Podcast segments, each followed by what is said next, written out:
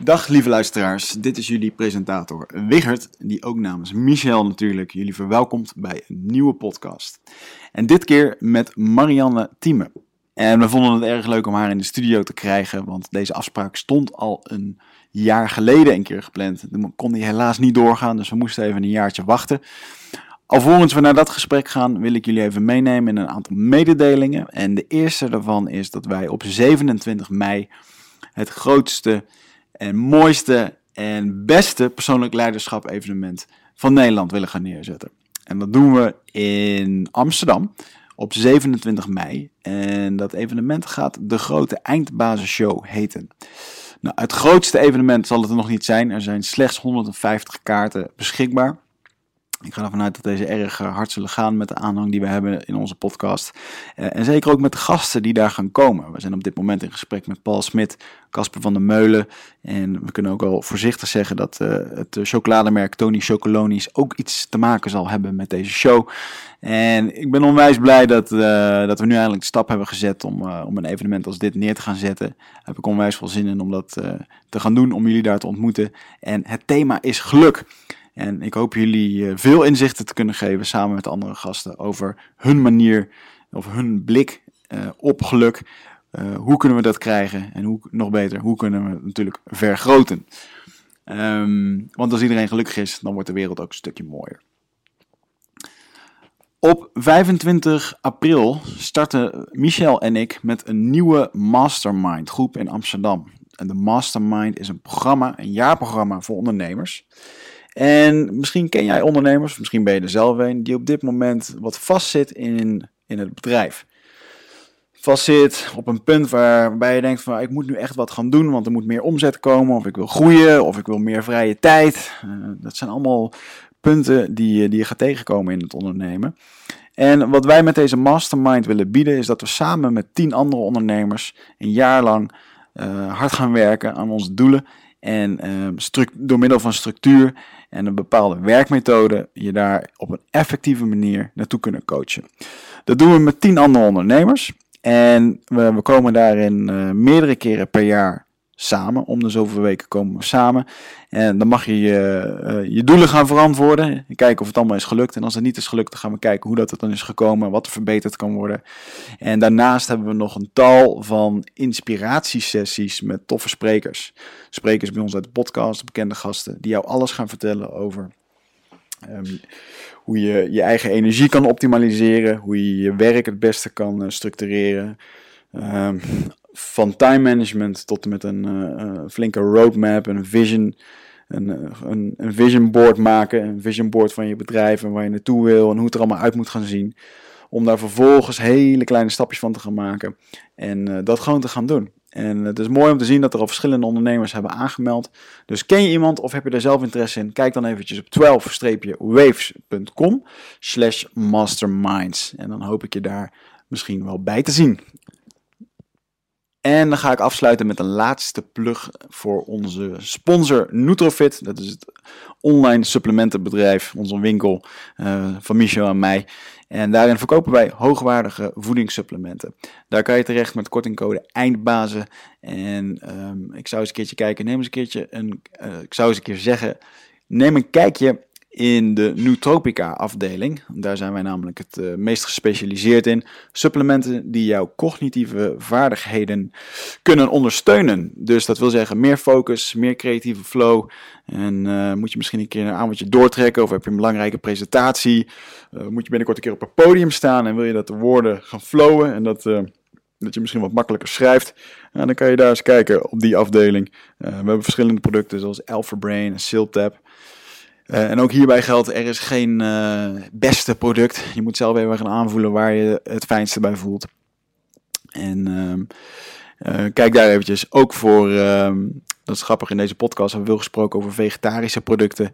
We hebben een fantastisch hennep-eiwit genaamd Powerfood van Onnit. een van de meest verkochte producten in onze shop. en met een reden, het smaakt erg lekker. lekker. En hennep-eiwit is een van de betere plantaardige eiwitten die je tot je kan nemen. Dan gaan we door naar de podcast van vandaag met niemand minder dan Marianne Thieme. En ik heb het ook uh, gezegd aan het einde van de podcast. tegen haar van wauw, dit is echt een, een inspirerende leidster, zowel voor mannen als vrouwen. Want deze dame heeft ja, een behoorlijke impact gehad in onze politiek, nu nog steeds. Met een relatief kleine partij weet ze steeds meer naam te maken. En uh, we hebben een heel leuk gesprek gehad over van alles en nog wat. Over de politiek aan zich. Hoe is het om in de Tweede Kamer te werken? Uh, of in ieder geval op het, uh, in het politieke systeem. En hoe werkt dat nou? wat zijn de regels? Waar moet men aan voldoen? hoe gaat het met de verkiezingen?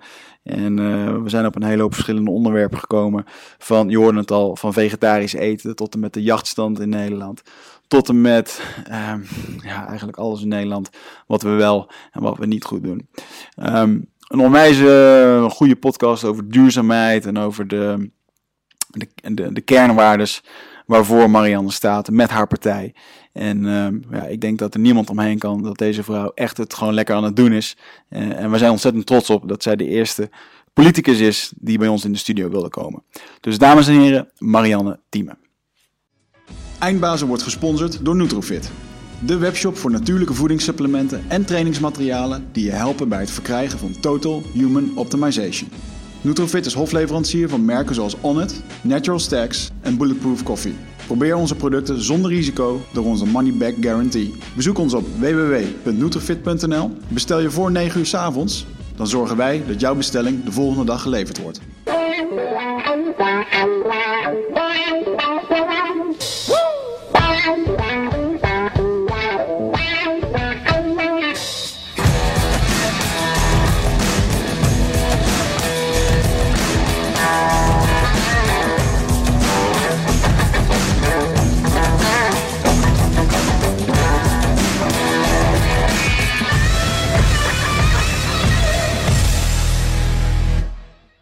Hier hebben we lang op gewacht, jongen. Ja, dit was er eentje.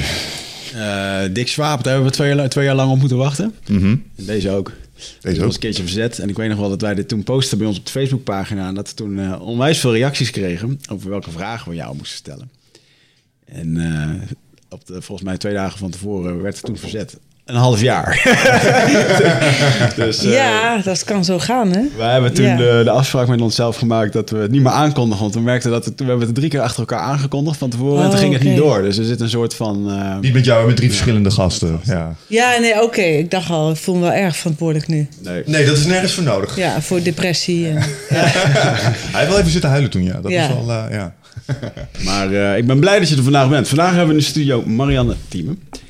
En uh, ja, wauw, jij bent toch wel een van de, um, de politieke leiders van Nederland. Uh, vrouwelijke politieke leiders? Nou, in ieder geval uh, de enige. Nou ja, sinds kort is er gelukkig Lidan Marijns weggekomen hè, van de SP. Maar daarvoor zes jaar lang de enige vrouwelijke. Ja. ja. Hoe voelde dat? Ja, het was het, heel vreemd eigenlijk om om in een, terwijl de samenleving gewoon zo gemengd is, dat je dan vervolgens in de politieke arena uh, vooral uh, heel veel mannen ziet. Mm. En uh, als je vrouwen ziet, dan, dan worden die ook wel best wel vaak weggezet als emotioneel of te fel. Dat zie je heel veel gebeuren. Bijvoorbeeld, er is een zorgcommissie waar alle debatten worden gedaan over nou, de zorg en, en aanverwante artikelen. En uh, daar zitten heel veel vrouwen. En er is één man, uh, dat was uh, tot voor kort hier van meneer Dijkgraaf van de SGP. Mm -hmm. En uh, die had een keertje tijdens een debat gezegd: van nou, heftig debat dit en zo. gelukkig is er een man bij die nog een beetje op de centen kan passen. Wauw. Ja. Was dat Jan Dijkgraaf? Uh, nee, nee, nee, nee, Albert. Ah, oké. Okay. Albert ja, ja, Die kennen we. ja, ik wist dat die heeft hier in de studio gezeten en die had ook een politieke carrière, toch? Eventjes. Daar heeft hij, die heeft hij wel geambieerd. Ja, maar niet bij volop ingaan. Nee, nee, volgens mij niet. Nee, ver van.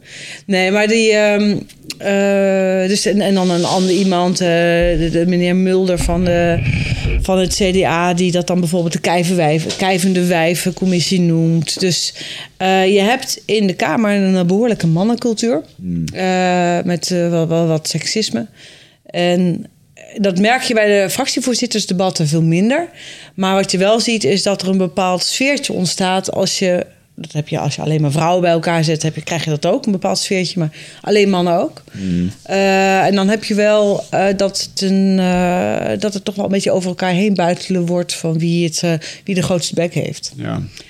Eh, tafereelen, moet ik me dat erbij voorstellen? Een beetje een wedstrijdje verpissen. Ja, toch wel. dat wel, ja, zeker. dat, hè? Kun jij nog jouw, eh, dan zeg ik het even zo, jouw eerste dag op het werk eh, herinneren? dat je daar binnenkwam, dat je... Ja, ja, nou, zeker wel. Ja, hoe was het dat was, voor je? eh, even kijken, we zijn in 2006 met twee zetels binnengekomen in de Tweede Kamer. Samen met Esther Ouwand, mijn collega. En eh, de eerste weken waren eind november. En eh, toen was het net zo dat Verdonk was eh, demissionair minister voor onder andere immigratie. En er was een eh, motie van wantrouwen tegen haar ingediend... omdat zij een aangenomen motie voor het generaal pardon niet wilde uitvoeren. En die motie, dat generaal pardon... dat was eigenlijk de eerste, het eerste debat waar wij aan meededen. En wij wisten echt van toeten nog blazen als het ging om de procedure. We hadden ook nog geen kamers. We zaten in een soort vergaderzaaltje waar we wat computers wa- waren neergezet. Heel eh, ja, geïmproviseerd. En ehm, toen uh, moesten. eh, toen kwamen, de pers erachter dat wij doorslaggevend waren in al dan niet door laten gaan van de generaal pardon. Het was een demissionair kabinet. Iedere partij voelde zich nog vrij om te stemmen zoals zijn of haar programma eruit zag. Ehm, en eh, toen dachten ze, dan gaan we snel een motie indienen om een generaal pardon voor elkaar te krijgen. En de pers die vroeg zich af, wat gaat de Partij voor de Dieren doen? Want het bleek dat wij doorslaggevend waren. En eh, ze kwamen niet op het idee om ons partijprogramma erop na te slaan. Dus eh, ze waren met allemaal camera's voor ons vergaderzaaltje. En wij zaten daar een beetje zoals hier met wat computers en een tafel. En dat was het dan. En, eh, en wij, lagen, eh, ja, wij lachten ons rot, want wij lieten hun gewoon maar een beetje raden. Dus ze kon het ook op gaan zoeken. Want daardoor was het, was het ook voor ons het moment om te laten zien... dat wij met twee zetels een doorslaggevende stem konden zijn... in die rechts- rechts-links tegenstelling die ja, in evenwicht eh, was. En dat was voor ons wel heel erg leuk dat het meteen de eerste dag al zo politiek werd. En zo duidelijk werd dat je met een, kleine partij het verschil kan maken, een soort hefboomfunctie kan hebben in of iets wel of niet doorgaat. En dat, ehm, dat zag je bijvoorbeeld ook bij eh, een heel recent voorbeeld, eh, de wet op de orgaandonatie, waarin de Tweede Kamer, eh, doordat één Kamerlid er niet was, en het was toevallig van de Partij voor de Dieren, is het wetsvoorstel naar de Eerste Kamer doorgegaan, want toen was er opeens een meerderheid voor. Maar waren wij compleet geweest, dan eh, was de wet eh, niet in de Eerste Kamer op dit moment. Dus zie je dus dat een, dat een partij met, nu zijn we inmiddels met vijf, maar dat, je, dat, dat het niet gaat om het aantal zetels dat je hebt, maar vooral over de, de, de verhoudingen in de Kamer en de meerderheden die je kunt maken. Mag ik daar een vraag over stellen? Ja. Ik zat me namelijk in de auto hier naartoe eh, te realiseren. En Wigert, misschien kun jij eh, me even bijvallen hierin. Ik wist niet meer helemaal hoe het nou precies zat met de Tweede Kamer, de Eerste Kamer, hoe die eh, moties zeg maar eh, langs die verschillende kamers heen gaan. Ja. En, en wat ik ook hierin hoor is, het kan dus zijn dat als in de Kamer iemand, om wat voor reden dan ook, er niet bij aanwezig kan zijn, dat dat eh, sterk van invloed is op of iets wel of niet de Kamer doorgaat. Dus Ja, nou is de, zijn de meeste stemmingen zijn altijd eh, dat je gewoon ehm, de- als fractie je hand opsteekt of je voor of tegen bent. En dan maakt het niet uit of de fractie compleet is, want de fractie heeft met vijf zetels dan voorgestemd. Ook al zit je daar fysiek met drie mensen of met twee mensen. Dat maakt er niet uit. Maar je hebt ook wel eens eh, wetsvoorstellen of moties waar een hoofdelijke stemming voor wordt gevraagd. En dan tellen alle koppen gewoon die dan aanwezig zijn. En dan wordt er wel eens op gespeculeerd van nou, de, de, de regeringspartijen zijn niet compleet vandaag. Weet je wat, we gaan een hoofdelijke stemming aanvragen en dan kunnen we net nog een meerderheid krijgen. Wat, is, eh, wat, is, wat kan de aanleiding zijn om een zo'n fractiestemming te doen versus een, een hoofdelijke stemming? Waar ligt dat onderscheid? Nou, dat was eh, vroeger heel duidelijk eh, ge- gemotiveerd door eh, bijvoorbeeld hele principiële discussies. Dat kan zijn over een generaal pardon, dat kan gaan over medische ethische kwesties of over eh, een, eh, missie naar Af- Afghanistan. Dus dat soort zware beslissingen. Dat eh, een Kamerlid of een fractie vindt dat ieder daar een soort persoonlijke extra verantwoordelijkheid voor draagt. Door daar ook persoonlijk voor of tegen te roepen. Want dan moet je roepen, dan ga je niet meer hand opsteken. Maar dan moet je echt voor of tegen zeggen. Maar je ziet nu langzamerhand dat het steeds meer een, uh, een, uh, een, instrument is geworden om vooral voor aandacht te vragen. Dus de, het Forum, Forum voor Democratie bijvoorbeeld, die vraagt het bijna elke week. Mm maakt eigenlijk niet uit welke moties ze indienen. Ze willen dan gewoon een hoofdelijke stemming. Dat mhm. kost zes minuten tijd. Eén stemming. Normaal ga je echt, is het binnen een minuut, ga je al naar de volgende um, een volgende wet of een volgende motie, maar dat duurt veel langer. Mhm. En daarmee hopen ze dan extra publiciteit te kunnen genereren. En dat wekt dan irritatie in de Kamer, dat zie je dan ook wel. Ah, het is, uh, ja, oké. Dus dat is het meer een. een het, het, kan dus ook obstructie zijn of, of een beetje ja, op, op willen vallen. Hoe vind jij het politieke systeem in, uh, in Nederland? Als je nou wereldwijd kijkt naar verschillende democratieën, is ja. onze manier van stemmen en de werking zoals je dat net uh, uitlegt. Ja. Um, zijn er landen waar wij nog wat vanaf kunnen kijken? Uh, ja, dat denk ik wel. Met name landen waar veel, heel regelmatig referenda worden gehouden. waarbij de bevolking dus werkelijk betrokken worden, wordt bij besluitvorming. Uh, je ziet dat in Zwitserland, je ziet het in uh, delen van Amerika bijvoorbeeld. Waarbij je dus ook veel meer, en dan zie je dan in peilingen ook veel meer vertrouwen is in politici. Mm. Omdat een populisme minder kans krijgt, in feite. En dit het is niet algemeen, ik moet niet algemeniseren, want je ziet ook in, in, in, in Zwitserland ook wel heus wel populistische uh, tafereelen natuurlijk. Maar mensen hebben wel meer het gevoel dat zij betrokken zijn. Ze gaan zich ook veel meer verdiepen in de besluitvorming, veel meer verdiepen in wat er nou eigenlijk voor ligt aan wet Waardoor uh, mensen uh, ja, het, het, gevoel hebben dat er veel minder democratisch tekort is. Een andere uh, duidelijk verschil is bijvoorbeeld dat wij kennen nog heel veel benoemingen van commissarissen van de koningin, van burgemeesters. Um, waar eigenlijk een democratisch ook tekort is. Want dat, daar zijn geen rechtstreekse verkiezingen voor. Of via de gemeenteraad wordt een burgemeester niet gekozen op dit moment. Dat gebeurt allemaal in achterkamertjes. Nou, dat zie je in andere landen dat, dat, dat het eh, totaal onder, uh, niet, niet herkenbaar is. Dat, dat het wordt gewoon rechtstreeks gedaan of via de gemeenteraad. Ja. Dus wij kennen wel op heel veel punten, en dat komt ook wel door de Europese Unie, heel veel democratisch tekort. We, we zeggen wel vaak dat we een heel moderne samenleving zijn met een democratie die volwassen is. Mhm. Maar je ziet langzamerhand dat door het poldermodel, door dus afspraken maken met mensen in het veld, hè, dus, uh, dus, dus uh, een Shell of een Unilever, dat daarmee de, macht van de Tweede Kamer of de macht van de gemeenteraad toch steeds meer wordt uitgehold. Dus hmm. dat, dit is wel een. Uh, en ook de grote grootbedrijven, dus de multinationals die vaak uh, enorme lobby, machtige lobbybedrijven inschakelen om de Tweede Kamer voor te schrijven in feite wat voor wetten ze moeten maken. Er zijn wetten die letterlijk van tevoren geschreven zijn door multinationals. Daar zijn ook bewijzen van. Dat geeft aan dat uh, uh, de democratie op dit moment wel op het spel staat in een land als Nederland. Ja, ik heb daar wel een vraag over. Want als je zegt burgemeesters en dat soort mensen worden in principe niet uh, niet gekozen, die worden aangesteld. Daar wordt achterkamerpolitiek in bedreven. Um, stel je gaat ervan uit dat clubs zoals Shell en dat soort organisaties um, misschien ook wel eens op regionaal niveau zeg maar, besluitvormingen door proberen te drukken. En je zegt uh, de democratie wordt misschien enerzijds daardoor wel door uitgehold. Hoe groot is de invloed bijvoorbeeld van dat soort multinationals op de aanstelling van burgemeesters en dat soort dingen. Kun je zeggen dat daar invloed op wordt Heel lastig. Ik, dat is meer een partijpolitieke uh, machtsspel wat wordt gespeeld.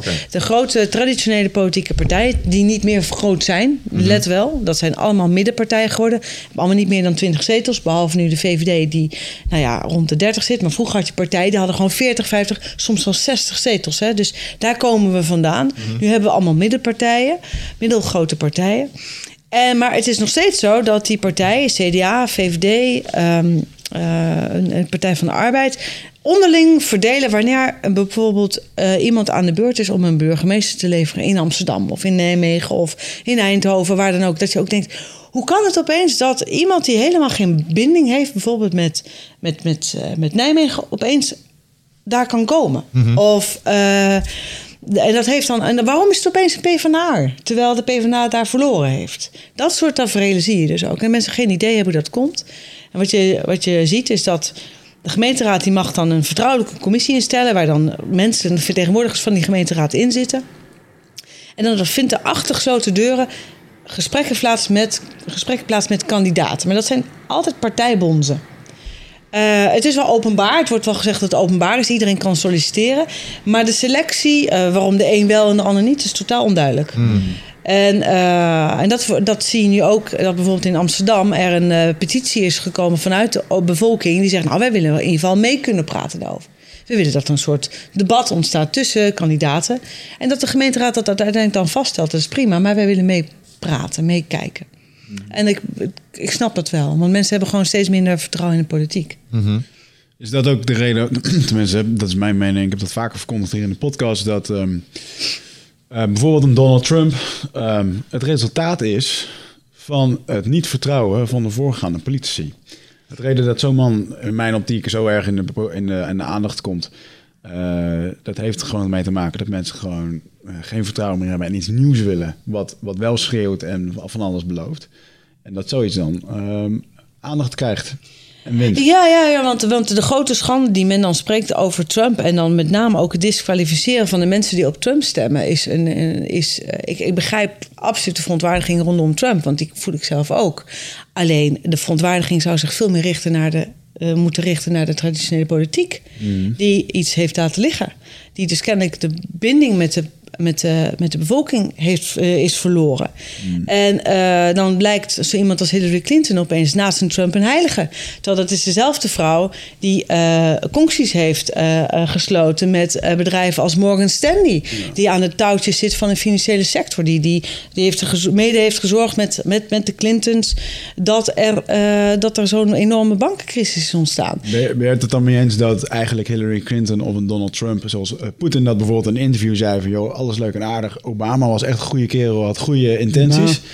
Maar uiteindelijk, nou ja, even zoals hij dat dan Ja, zei hij, ja. in zijn interview. Hij zei, die had goede intenties, was een degelijke man. Alleen, eh, voor wat het dan nog is. Eh, maar eigenlijk bepaalt hij helemaal niet zoveel. Want die man, zodra die wordt aangesteld, dan Klopt. komen er de mannen... Hij noemt dat de Allemaal mannen het groot bedrijf. binnen. Ja, ja, ja. Die dan dingen gaan bepalen. En dat, ja. Ja, dus goed, het is het groot bedrijf, absoluut, wat bepaalt. Financiële sector, voedselindustrie is ook absoluut een mega eh, invloedrijk als het gaat om eh, bescherming van voedsel, bescherming van mensen tegen bijvoorbeeld foute medicijnen, dus de farmaceutische industrie.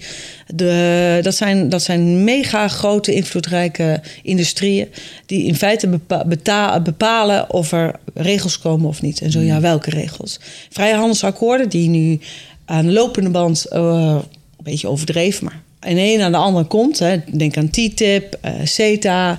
eh, maar denk ook aan het Oekraïne-verdrag. Dat is ook gewoon een vrijhandelsverdrag. heeft allemaal te maken met de belangen van grote internationale bedrijven. die in feite alle regelgeving op nationaal niveau eh, opzij willen zetten. Of, omwille van, eh, van export. Ha- Dus dat, die hebben heel veel invloed op. En de politici, ja, je ziet gewoon dat die daar. Eh, dat het, u, u vraagt wij draaien, faciliterend daarin in zijn. Houdt, houdt zoiets lang stand met de transparantie die opkomt via het internet? En, eh, Ja, nou dat is het mooie, is dat eh, de verandering komt nu echt veel meer van de onderop. En mensen die moedeloos worden van dat grootbedrijf, van de globalisering, van het feit dat, dat we te maken hebben met technocraten, bureaucraten, eurocraten, hoe je ze ook wil noemen. die aan de touwtjes zitten van het grootbedrijf. Dat, dat kan je moedeloos van, maken, van worden. Of je kunt zeggen, hey, politiek is veel meer geworden dan alleen maar eh, op de juiste partij stemmen. Eh, wat er in Den Haag gebeurt en in Brussel gebeurt. Politiek met een kleine p noem ik dat altijd. Dat staat ook in mijn boek eh, De Kanarie in de Kolenmijn. Gaat over je levensstijl.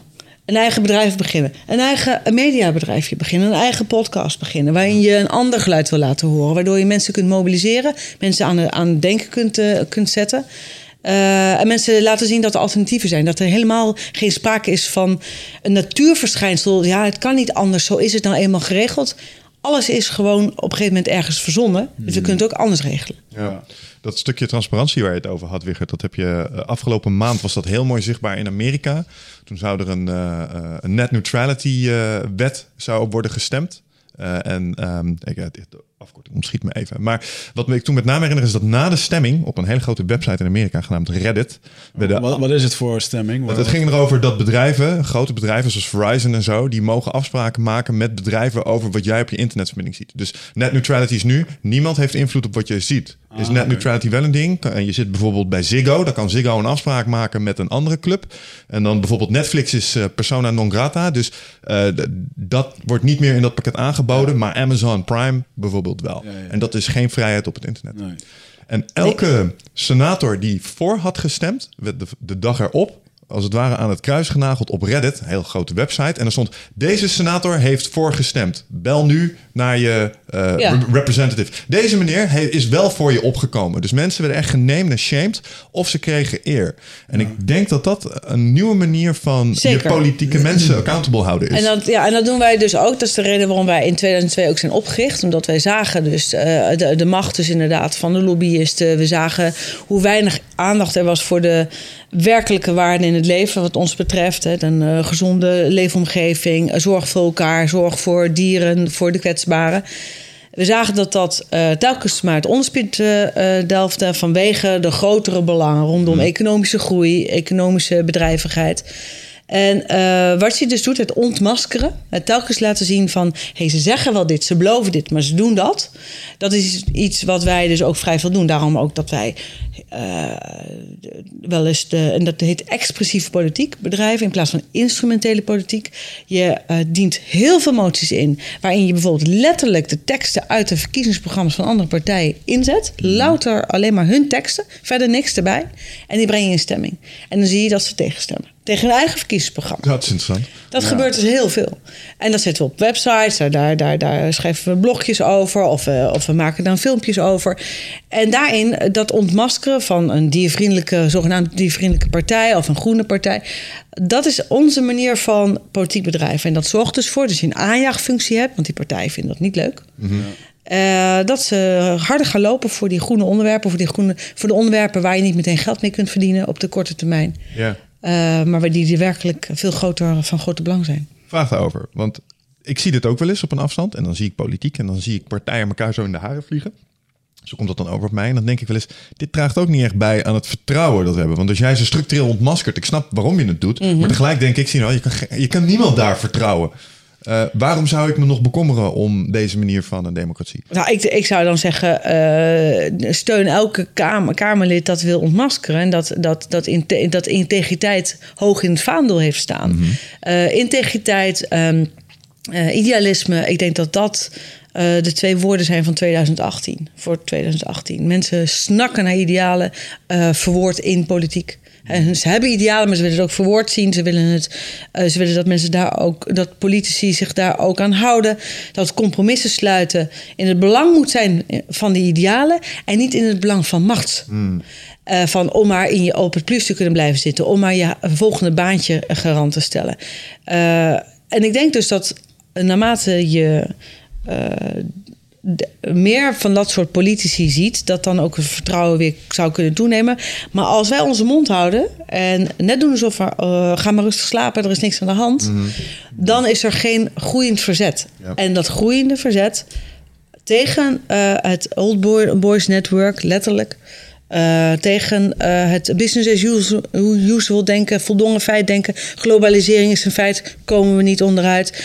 Daar, daar, daar moet, en dat zie je bij jongeren zie je dat al gebeuren. Doordat zij gewoon buiten dat systeem eigen eh, beslissingen gaan nemen. eh, start-ups bij Triodos Bank gaan, gaan zitten met hun... met hun waar, waar zitten, bij welke bank zitten jullie? Triodos. Nou, dat bedoel ik. Dat, dat hoor je te doen. Als je denkt... Ja, eerste, eerste. Maar hij is goed. Hij ging goed. Nee, maar dat, dat zijn keuzes die je kunt maken. Of dat je je pensioen, pensioenfonds aanschrijft. Waarom investeren jullie in wapens? Waarom eh, geven jullie geld aan de bio-industrie? dat, dat zijn eh, politieke beslissingen. Ook wat je eet, elke dag op je bord hebt zitten. Dat zijn allemaal politieke beslissingen. Waarmee je duidelijk aangeeft, dit wel en dat niet. Het is een tijd van keuzes maken. Het is Ja. die tijd niet meer van langs, eh, langs de kant eh, gaan staan. En, en als je het dan hebt over keuzes maken, hè, we hadden het er net over eh, potentiële nieuwe vormen van democratie. We hadden het over die transparantie die in opkomst is. Ja. Je gaf aan dat in Zwitserland was het, is het vertrouwen hoger omdat ze meer betrokken worden. Dus die referenda zijn. Ja, is bijna elke maand, geloof ik. Ja, Ja. Dat zet mij aan het denken, want ik, ik snap dat, dat je meer betrokken wordt als je het gevoel krijgt dat wat je stemt in, op die referenda ook daadwerkelijk invloed heeft. Als je die lijn doortrekt, hè, en we zouden iets kunnen verzinnen waarmee we technologie zo betrouwbaar maken dat een burger misschien nog wel veel intiemer kan meestemmen op bepaalde thema's. Of via mijn DigiD. Bijvoorbeeld, ja, ja, of nee, mijn je DigiD, er worden een aantal van die referenda worden structureel en daar kan je meetellen. En die resultaten worden dan weer gebruikt voor discussie in de Tweede Kamer. Van dit is wat het volk blijkbaar wil. Jullie zitten Ja. er dan als wel specialisten, sta je ernaast en zeggen ja, het is leuk dat je dat zegt, maar dit kwartje moet wel extra, want die en die begroting. Ja, Dus ik- maar bedoel je dat dan met elke, elke beslissing die, voor, die, die een Tweede Kamer, die de een Tweede Kamer of een Eerste Kamer moet nemen of een gemeenteraad moet nemen, dat je die voorlegt? Dat weet ik niet. Dat zou dat te veel kunnen te zijn. doen. Nee, dat snap Want dan denk je, ja, ik heb daar, daar heb ik een volksvertegenwoordiger voor eh, gekozen. Nee, maar ik denk wel dat wel? waar ik altijd al enthousiast van. Was, ik, ik bedoel, ik betaal ook belasting, ik ben ondernemer. Ik vind niet erg om belasting te betalen. Maar ik zou het heel erg fijn vinden dat ik gewoon één keer in de maand een lijstje krijg van jongens, we hebben een aantal projecten in de omgeving waar jij woont. Eh, gaan we een kinderspeeltuin bouwen, ja of nee? Gaan we eh, glasvoorziening doen, dat soort dingen. Ja, En dat daar snap ik. gewoon, Ja, ja. Dat ik Ja. eigenlijk zie dat mijn belastinggeld dan Ja. daar aan Ja, wordt dat snap ik. besteed. Ja, Dat zou ik mooi ja er is ooit eens een, eh, een proef gedaan met de, met de blauwe envelop. Waarin je kon aangeven wat jij nou belangrijk vond. Hmm. Wat er met belastinggeld werd gedaan. Dus bijvoorbeeld heel een aardig inzicht geeft dat. Ja. En, en of je dat nog verder kunt trekken door het ook aan te geven van nou. Eh meeste stemmen gelden als de, als de burgers vindt dat bijvoorbeeld met gemeentelijke belastingen er meer groene speeltuinen moeten komen, dat het gezond is voor kinderen. Ja. En, eh, en de, de, de vergroening van, van, van, van een gemeente. Ja, dan denk ik dat je. Nou, daar zou je als gemeente toch mee, mee, mee kunnen gaan experimenteren, denk ik. Ja, of eh, je geeft eh, op een iets hoger niveau misschien aan, joh, we gaan eh, dit doen met het geld. We hebben drie scenario's bedacht. Hier ligt het zwaartepunt op economische groei, daarop duurzame inzetbaarheid en hier doen we. Ja, En dat je ze daar zeg maar een soort voorkeur ja alleen dan ga je ervan uit dat er een rationele beslissingsboom is geweest. waarin dus ook uit, een betrouwbare uitkomst is van dat iets, dus inderdaad zorgt voor meer economische groei. of meer voor, voor, voor verduurzaming. En dat, dat traject er naartoe, eh, ja, daar moet je dan vertrouwen. En de vraag is even of je niet het wat breder kunt trekken. Door in plaats van wat je nu hebt, dat elke beslissing die in de Tweede Kamer wordt genomen, en zelfs op gemeentelijk niveau, wordt getoetst naar in hoeverre dat zorgt voor economische groei. Door te kijken naar het nationaal inkomen, of dat stijgt, het BBP, bruto binnenlands product. Eh, dat is onze maatstaf. Groeit het of krimpt het? En als het krimpt, is het bad nieuws. En als het groeit, dan is het eh, goed nieuws. Terwijl je eigenlijk zou moeten zeggen: nee, we hebben meer indicatoren nodig. Ja. En dat leggen we naast elkaar. Ook al zouden wij gaan, eh, ook al gaan wij nu de productie verhogen en zorgen we dus voor meer bruto binnenlands product, zien we tegelijkertijd dat de grondstoffentekorten toenemen. We zien dat de vervuiling toeneemt bijvoorbeeld, eh, dat er een eh, biodiversiteit afneemt of dat de veiligheid afneemt. Ehm, dan kun je een betere afweging maken. Dus je hebt meer indicatoren nodig. En dat is mijn pleidooi. Eh, om eh, af te gaan van die focus op economische groei. Omdat bijvoorbeeld een ramp opruimen, bijvoorbeeld een olieramp opruimen op, op, op de zee, wordt gezien als een positieve bijdrage aan een nationaal inkomen. Dat betekent dus, het gaat goed met Nederland. Want we hebben extra economische activiteiten gehad. Ja, maar het was wel een eh, olieramp. Ja. Ja. Ja, dat soort. Dat, en dat, dus dat, we geven, het meet alles behalve dat wat de moeite waard is. En ik vind je rijtje van indicatoren vind ik nog steeds behoorlijk eh, economisch gedreven, waar je het zojuist over had. Oh, maar er zijn er Wat- veel meer wat- ja, ik wou net zeggen, wat zouden, wat zouden indicatoren zijn die we zouden kunnen meenemen in deze afwegingen, die ervoor zouden zorgen dat dat soort aspecten, die je zojuist benoemt, ook worden gekend? Ja, nou ja, het biodiversiteitsverlies. Hè, dus het verlies aan soorten. Wat van, terwijl soortenrijkdom is van cruciaal belang voor het leven op aarde. Voor voedsel, voor, eh, voor, voor de stabiliteit van het ecosysteem. Dus ook voor het klimaat. Dat is een absoluut, dat moet je niet een bepaalde economische waarde geven. Dat moet een waarde in zichzelf vertegenwoordigen. Eh, los van het nut voor de mens. Het- het- Ik noem nu een aantal nuttige eh, eh, effecten van veel soorten. Maar het zou een, een, een, iets moeten zijn wat we gewoon willen beschermen.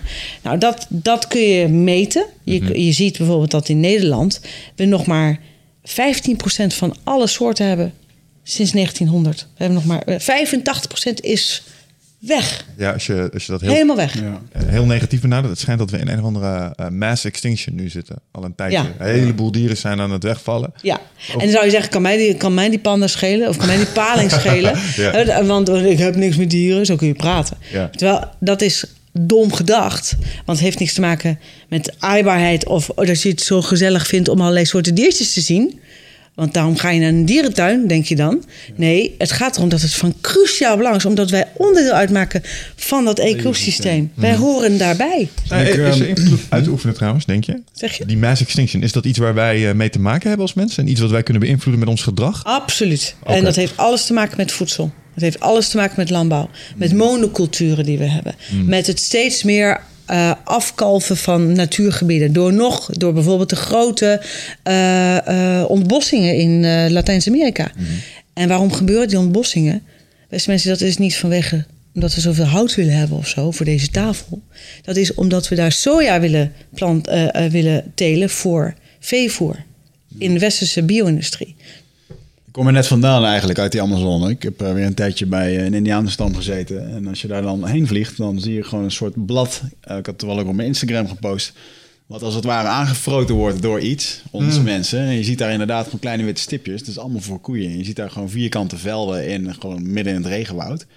Wat het helemaal aan loopt te kouwen. En dat vind ik wel mooi wat je net zei over, wij zijn onderdeel van dat ecosysteem. Dat een van die medicijnmannen, de, de, de stamhoofden, die zei mij ook... ehm, en dan zeggen ze dat in hun taal, dat op het moment als wij alle dieren en de bomen uitroeien, dan zal de, eh, de hemel op ons vallen. Zij hebben het idee dat de geesten en de, de, de spirits van de animals en de dieren, van de, de planten, die houden alles in stand. En op het Ja. moment dat ze dat wegkapen, dan valt de boel ineen. En ik vond het dan een hele mythe. Ja, het is een mooie, Hey, het mooie is- beschrijving zoals hij dat doet. Als je nadenkt over wat een atmosfeer is en waar die vandaan komt, hebben ze het nog niet eens ongelijk ook. Ik bedoel, die, die bomen en boeien die zorgen voor de zuurstof, die verwerken de CO2. Als dat allemaal instort, ehm dat gaat niet goed met je, eh, Nee, met je atmosfeer. Dan, dan- We zijn allemaal verbonden met elkaar. Ja, en, En, ook- en eh, ook, joh, dat, eh, ik ben dan nu een boek aan het schrijven over mijn ervaringen bij die stammen. En dat je dan leest dat zo'n boer die krijgt 60 dollar voor een hectare grond. Maar de medische waarde die in zo'n hectare grond zit, in een regenwoud, die is 2600 dollar. Als we alles zouden inzetten om daar te onderzoeken. En dat is 75% van alle medicijnen, geregistreerde medicijnen, die komt uit de Amazone. En we hebben minder dan 1% van al die planten wetenschappelijk onderzocht. Daar ligt gewoon, daar ligt zo, als je dan geld wil verdienen, ga dan daarop zitten, weet je wel. ja, Ja. de cure for cancer ligt daar ergens. Maar mag, mag, je, mag je daar wel iets... Want dan, dan, dit is eigenlijk het kapitaliseren van natuur. Hè? Dus je laat zien hoeveel natuur waard kan hebben. En dat is heel goed om daar wel op zich naar te kijken. Maar ik zal je een voorbeeld geven van ook uit, uit eh, in Costa Rica... was er een, eh, een eh, koffieplantage... En die koffieplantage, dat grensde aan een prachtig natuurgebied. En dat wilden ze eh bulldozeren, daar wilden ze vanaf. En toen eh, was het zo dat ze zeiden: hé, hey, dat moet niet gebeuren. De, eh, de koffieplantage eh, die zei: oh, dat kan absoluut niet. Want daar leeft een bijkolonie die zorgt voor de bestuiving. Dus we hebben die natuur nodig. En daarom was bijvoorbeeld dat die koffieplantage werd heel veel waard. En ook de natuur werd heel veel waard. Dan gaven, gaven ze, ik geloof dat het, voor die tijd was dat dan heel veel. Ik geloof 100.000, laten we zeggen 100.000 dollar voor een klein een paar hectare. En, maar wat gebeurde er? Er kwam een ananasplantage. En ananassen, ik weet niet of je het weet, maar dat gaat, dat gaat niet via bestuivingen. Daar heb je geen bijen voor nodig. Dus de waarde van het natuurgebied, voet, in één keer 0 dollar. Dus kon het gebulldozerd worden. Dus er is een gevaar aan om natuur een bepaalde waarde te geven, economische waarde. Want een mens kan anders gaan kijken naar dat stukje als we weer iets anders gaan produceren. Dus wat we ook zouden moeten doen, en dat doen ook de, de, de, de inheemse stammen ook wel, is dat ze, zij doen dat door middel van het, een spirituele waarde aan te kennen. Maar je kunt het ook gewoon als in zichzelf staande waar, eh, waarde waar wij bij horen bij dat ecosysteem. En wij zouden de natuur in feite rechten moeten geven. Niet als individu of als- alsof we daar een entiteit van maken. Maar dat we daar niet zomaar aan mogen zitten. Dat dat iets is van, van toekomstige generaties. Dat we de aarde te leen hebben van onze kinderen. Ja. Ja, wat je bij hen ook wel heel erg ziet, is dat zij ehm, alles eren van dieren. Sterker nog, dat is ook waarom ze halve dieren dingen dragen. hè. Dierenhuiden, dieren eh, voor het, eh, nou, je hebt hier een toren staan. Ja. Ehm, allemaal dingen die, die zij eren en eh, alles is daarin heilig. Eh, wat ik ook wel mooi vond met het jagen is dat op het moment dat ze een tijdje een dier niet zien... ehm, en ze zien hem weer wel, dan vertellen ze dat tegen elkaar en dan wordt er niet op gejaagd, zodat het weer kan herstellen. Dus die mensen zijn heel erg bewust over wat hun eigen e- ecosysteem is. Snappen donders goed dat ze daar volledig van afhankelijk zijn. Dat is dan wel een omgeving waar je... Ja, maar dat, en, precies, en dat kennen wij hier in Nederland niet. Wij hebben hier eh 25.000 jagers die voor hun plezier ongeveer 2 miljoen dieren doodschieten en ongeveer net zoveel dieren aanschieten. Eh, en die dus een ellendige dood eh, sterven. Die het natuurgebied ontzettend verstoren. Want uh, zij gaan naar. Uh, dit zorgt voor verstoring van andere soorten. Het is voor trofeeën aan de muur. Het is voor de poelier. Het is voor met name ook weer die, het groot bedrijf om bij elkaar te zijn. Om daar handel te drijven. Want ze komen bij elkaar. Grof wildjagers zijn dat met name van wilde zwijnen. Het verstoort. de, de, de komen eigenlijk, het, het natuurlijk evenwicht wordt totaal niet geëerbiedigd. Want er zijn dan opeens weer heel veel zwijnen. En dat doen ze ook in feite door eerst heel veel te schieten. Dat zorgt voor reproductie, dat er nog meer jongen komen. Dus dan krijg je weer een enorm overschot aan zwijnen. En dan roepen ze weer, kijk, er zijn te veel zwijnen. We moeten weer gaan schieten. En zo blijft het maar doorgaan. En die zwijnen die vliegen alle kanten op. Dat is jacht in Nederland. En daar zou onmiddellijk een einde aan moeten komen... om het natuurlijk evenwicht echt te herstellen. Ook al hebben wij weinig natuur, een klein natuurgebied kan zichzelf alweer helemaal in, in evenwicht krijgen. Als wij mensen maar niet gaan bijvoeren en niet gaan doodschieten. Dan gaat het vanzelf helemaal in evenwicht komen. Ik zag op de website dat 70 van jullie, dat had ik een beetje in ingelezen, dat 70% van de Nederlanders is volgens mij tegen jagen. Ja. En uh, er stond nog wat feitjes daarbij. Dat, dat, uh, ja, de meeste mensen zijn absoluut tegen de jacht. Ze denken, nou, als er dan al een dier gedood moet worden vanwege een, of andere calamiteit, dan moet dat gebeuren door overheidsmensen die daarvoor betaald worden om dat te doen. En dan op een, op een, op een, uh, op een ja, vanwege een, een, nationaal belang. Maar nu zijn het mensen die ervoor betalen om te mogen schieten. Hmm. Dus zij moeten betalen. Maar ik snap wel. Daarom doen ze het ook. Ze doen het graag. Ze hebben er honderden euro's voor over, duizenden euro's voor over om te mogen schieten. Maar het jagen op zich, ik bedoel, ik heb het dan zelf in het regenwoud gedaan. En daarna wordt zo'n beest ook volledig gebruikt en opgegeten. En ja. Het heeft wel iets om je eigen uh, eten uit de, de, de, supermarkt die de natuur heet te halen. Ja, maar we hebben natuurlijk al een enorme bio-industrie van 600 miljoen dieren. We hebben een biodiversiteitsverlies in Nederland van heb ik jou daar. Mm. Uh, er zijn al bijna geen dieren meer. Moeten we dan ook nog de dieren in de natuur ook nog eens gaan schieten? Want het is niet eens een duurzame oplossing. Want stel dat wij alle dieren nog maar uit de natuur zouden houden en de bio halen en de bio-industrie zouden. Dat, kan, dat kan helemaal niet. Dan, nu al wat de dieren. Uh, wat, wat er nu gejaagd wordt, is één plakje ham. Ongeveer. En dan schieten ze dus al 80% van de, van, de, van de wilde zwijnen. Dus je zou dan alles. Je, je kunt mensen daar niet mee voeden. En wat wij ons moeten gaan realiseren is, is dat als wij met zoveel mensen op deze aarde uh, op een duurzame manier moeten leven, willen, willen leven, moeten leven, dat kan niet anders, dan zullen wij gewoon onze vleesconsumptie drastisch moeten inperken. Omdat er ook genoeg alternatieven zijn. We hebben, Het is een ouderwetse gedachte om te denken dat je dierlijke eiwitten nodig hebt om te kunnen overleven. Maar terugkomen op het jagen, het lijkt mij wel heel erg duurzaam op het moment als iemand een wild zwijn schiet als er te veel wilde zijn zijn. En die neemt hem mee naar huis en vervoert zijn familie daar een aantal weken van. Ja, maar het, het, het, is een, dat is een soort romantisch beeld van dat dat op die manier gebeurt. Ten eerste is het zo dat die, uh, de wilde zwijnen is niet dat daar alles van wordt gebruikt. Ten tweede is het, zorgt het voor een enorme verstoring in het natuurgebied. Want let wel, dat jagen van een wild zwijn zorgt voor dat, dat een hele familiepopulatie in feite wordt uit elkaar wordt geschoten. Die gaan ook alle kanten op. Ze schieten namelijk altijd de grote beren, de, de, de, de grote, de echte, de, de mannen. Want dat geeft hen ook een macho-gevoel. Want er zit een enorme macho-cultuur achter in Nederland. En vervolgens zie je dat die andere dieren gaan zwerven. Dus ze komen dan bij bijvoorbeeld uh, gebieden waar mensen wonen, bij. Uh, bij, uh, bij, bij wegen. Het zorgt voor gevaarlijke situaties en verstoring. Dus ja, wat, hoe duurzaam is dat? En daarnaast, dat is nog wel aardig om te weten, is dat het vlees in Nederland zo toxisch is. Er zitten zoveel giftige stoffen in dioxines, uh, meta zware metalen. Van de wilde zwijnen, ja? Ja, heel veel. Dat is absoluut. Er was een, dus een onderzoek geweest van de Wageningen Universiteit. Die heeft gekeken naar de toxiciteit van uh, vlees uit het wild in Nederland. En die zegt het moet bij het chemisch afval. Maar hoe komt dat dan? Door, Door vervuiling. Wij zijn een enorm vervuild. Wij, onze bodem, uh, de, de, het voedsel wat de wilde dieren eh, de dieren in het wild eten, uh, de, de, waar zij leven. Daar komt enorm veel, de uitlaatgassen, de, alles komt ook in je lichaam. Oh. Wij zitten zelf ook met allemaal toxische stoffen zelf. Als mens kun je ook eigenlijk niet, de, de, de uitwerpselen die wij hebben, kun je ook niet zomaar op het land gooien. Omdat het gewoon hartstikke chemisch is. Wist jij dat? Nee, nee, dat wist ik niet. Ik, ik zit me te bedenken, als ik denk aan waar wordt er gejaagd op dit soort beesten. Een beetje in de buurt van de Veluwe, Elburg die kant op. Dan lopen die dingen wild langs de weg. Dus daar, 50% daar zie ik hem wel zitten, ja. Maar midden op de Veluwe, ja, ik weet het niet. Ik kan me Heel voorstellen dat het via het water allemaal wel naar binnen komt. En via het water ook weer in de planten. ja, Aan de andere kant denk ik, ja, die bomen zien er op zich ook wel Ja, maar die mooi groen uit. Dus Oh, als ja? het echt zo slecht was... Kijk maar goed, eh, en dan moet je goed kijken, want er is een enorme eh, verzuring gaande in de natuur. Bijvoorbeeld de heidevelden, daar kun je het goed aan zien. Vroeger hadden wij heel veel heidevelden. velden. Als je nu komt, zie je overal van dat gras ertussen. Heel veel, het vergrast allemaal. Het heeft te maken met ammoniakdepositie vanuit de landbouw. De landbouw is met name een enorme. eh, eh, bij, eh, is, is- levert een enorme bijdrage aan de verzuring van de gronden en water, grondwater.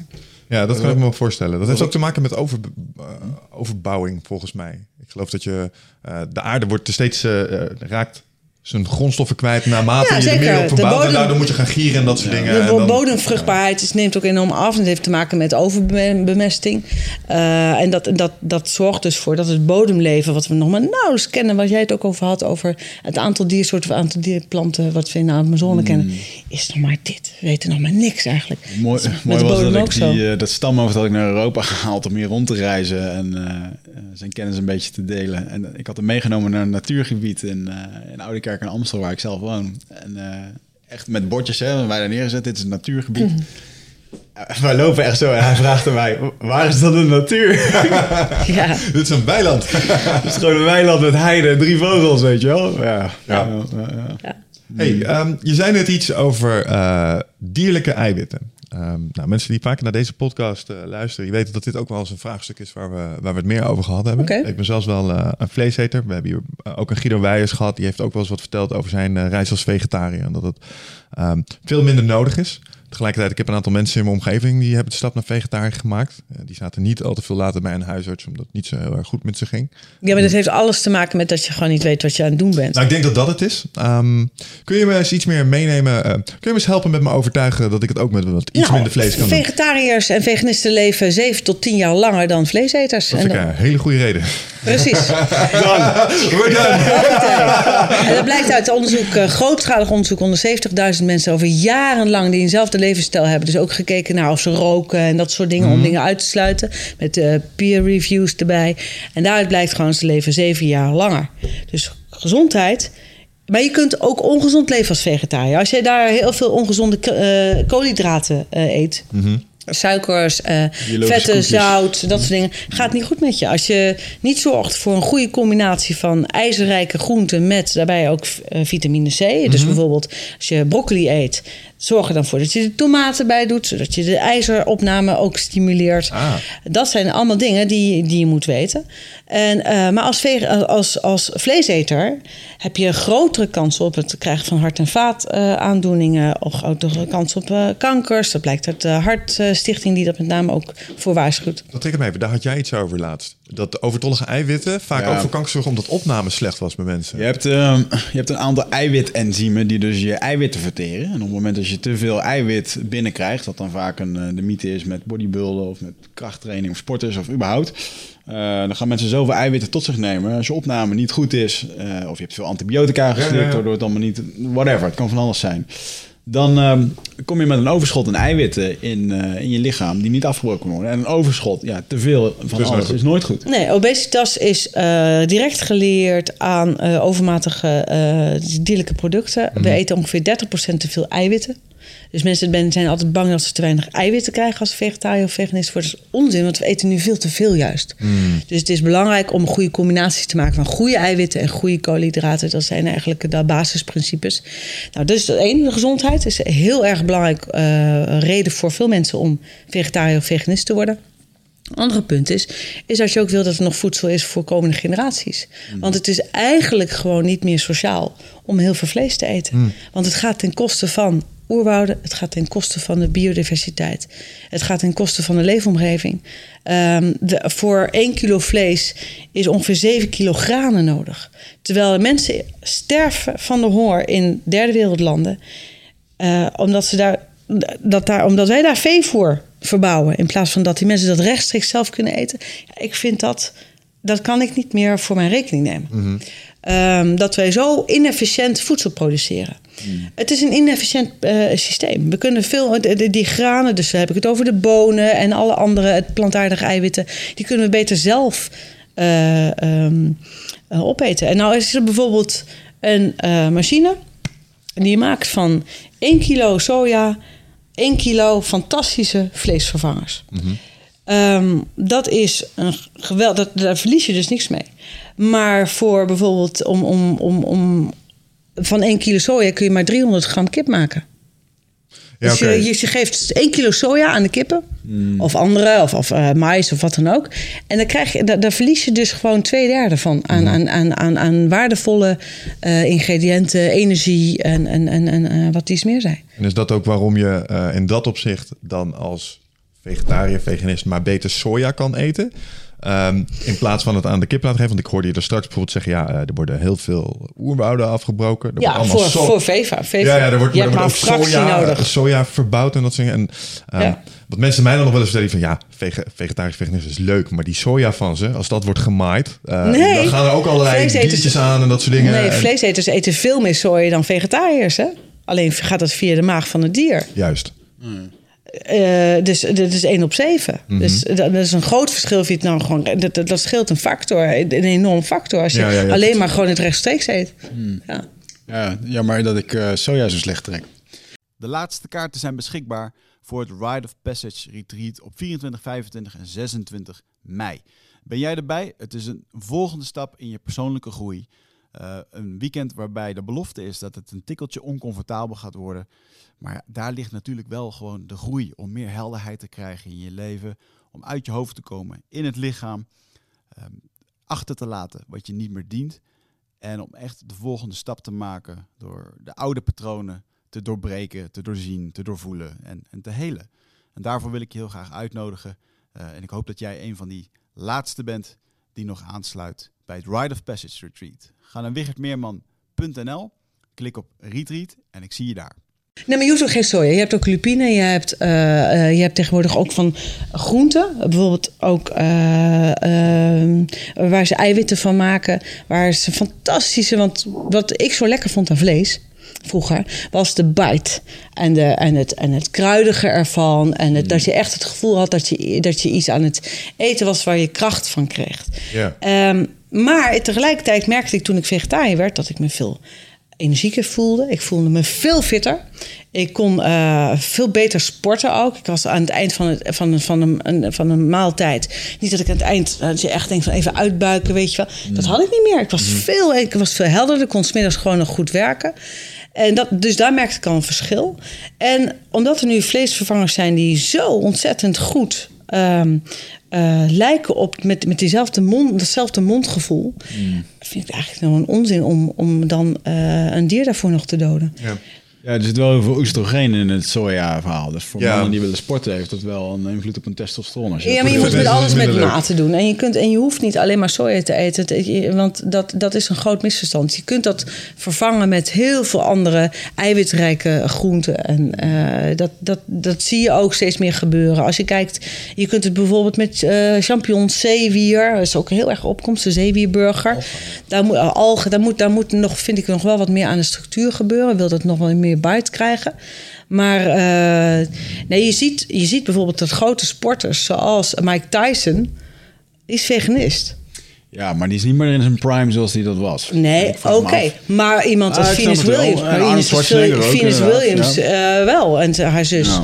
hoe heet ze? Hoeveel van, eh, van de keuze om ehm vegetariër veganist te worden heeft, is ook gekoppeld aan het feit dat dat beesten zijn met een bepaalde ervaring. Ze voelen pijn. Dat, dat Eh, was mijn belangrijkste reden. dat is voor jou de belangrijkste. Ja, ja, ja, absoluut. Nee, dit is voor mij een. eh, voor mij is de reden, ik noem nu nog meer. Het is duurzamer, het is gezonder. eh, en het is, eh, je bent solidair met toekomstige generaties en met de generaties van nu. Ja. Maar mijn, eh, mijn drijfveer is echt het ethische. Een dier, ik wil, een di- het leven van een dier is voor dat dier van net zo groot belang als het leven voor mij is. En ik vind het. eh, ik, ik, ik, ik kan dat niet over mijn hart verkrijgen om een dier te doden. Oké. En is er dan ook nog iets, eh, zeg maar, als je dat op een spectrum plaatst, hè? mensen, chimpansees, dolfijnen, olifanten, dan komen katten en honden. En op een gegeven moment, er lijkt ergens een soort omslagpunt te zijn, waarbij we als mensen zoiets hebben, ja, maar hier is het wel oké. Dat is cultureel. Ja, dat zie je nu met insectenburgers Ja, die precies, ze dat, dan dat bedoel bedenken. Zouden dat- dat insectenburgers oké zijn? Nee, absoluut niet. Nee, Niet, hoor, want ik, die vind, omdat ik, het, ik vind het zo'n on... Nee, het gaat me meer om dat ik, dat ik op een gegeven moment denk... waarom zou je iets willen doden... terwijl je dat op een veel eenvoudigere manier... wat ook insectenburgers kost ook energie... want insecten moeten ook gewoon eens gevoed worden... dus je krijgt altijd verlies weer van eiwitten. Mm. Het is altijd zo dat het... net zoals kunstvlees ook, dat moet ergens op groeien. Dat is niet... Dat, het rechtstreeks plantaardig eten is gewoon het meest efficiënt... en het zorgt voor het minste leed. En ik denk altijd dat wij mensen geneigd zijn om in ieder geval te voorkomen dat je, dat je leed toebrengt aan een ander. En dan maakt het mij niet uit of dat. Ik, ik wil dat niet toebrengen aan de mensen, maar ook niet aan dieren. Oké.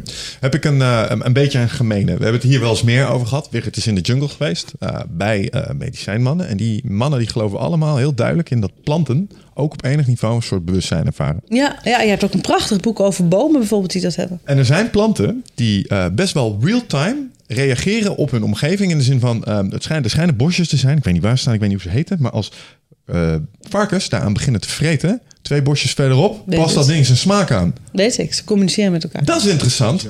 Ja, maar dat is ook al wetenschappelijk al aangetoond dat er bijvoorbeeld bepaalde stoffen vrijkomen bij, bij eenzelfde soort boom, bijvoorbeeld een stukje verderop. Ze schijnen elkaar te waarschuwen. Er is een prachtig boek over, eh, over boom. Dus dan zou je dat zeggen, ze je. hebben bewustzijn. En ze zouden misschien ook kunnen Nou ja, bewust- ja, maar goed, oké. eh, je probeert in ieder geval, dat is mijn uitgangspunt, zo min mogelijk schade te berokkenen.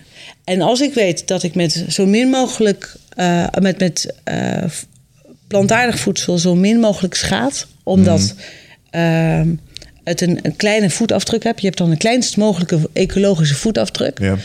Ehm, en dan hoop ik ook dat ik dat op een respectvolle manier doe. Dus ik zorg ervoor dat ik voedsel eet wat niet bespoten is met gif. Waar geen kunstmest aan toegepast is. Wat uit een biodiversiteit eh, omstandigheden eh, komt. Dus bijvoorbeeld, je hebt ook voedselbossen tegenwoordig... waarbij veel meer planten ook met elkaar samen kunnen werken... en dat het één geheel is. Die, die biodiversiteit wordt daar gewaarborgd.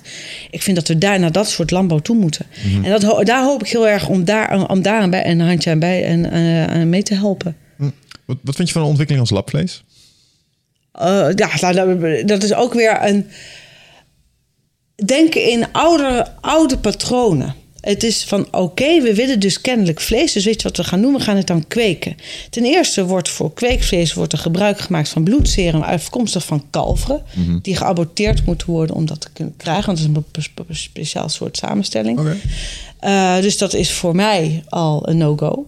Maar stel dat ze daar een alternatief voor weer weten te vinden, dan zijn we weer een paar jaar verder. Want je hebt echt met patenten te maken, je hebt het met hoge kosten te maken.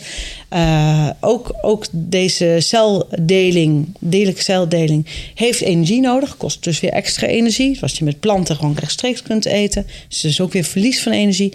kost weer heel veel tijd voordat dat uiteindelijk een soort eh, algemeen goed wordt. Dat voor iedereen beschikbaar is tegen een fatsoenlijke prijs.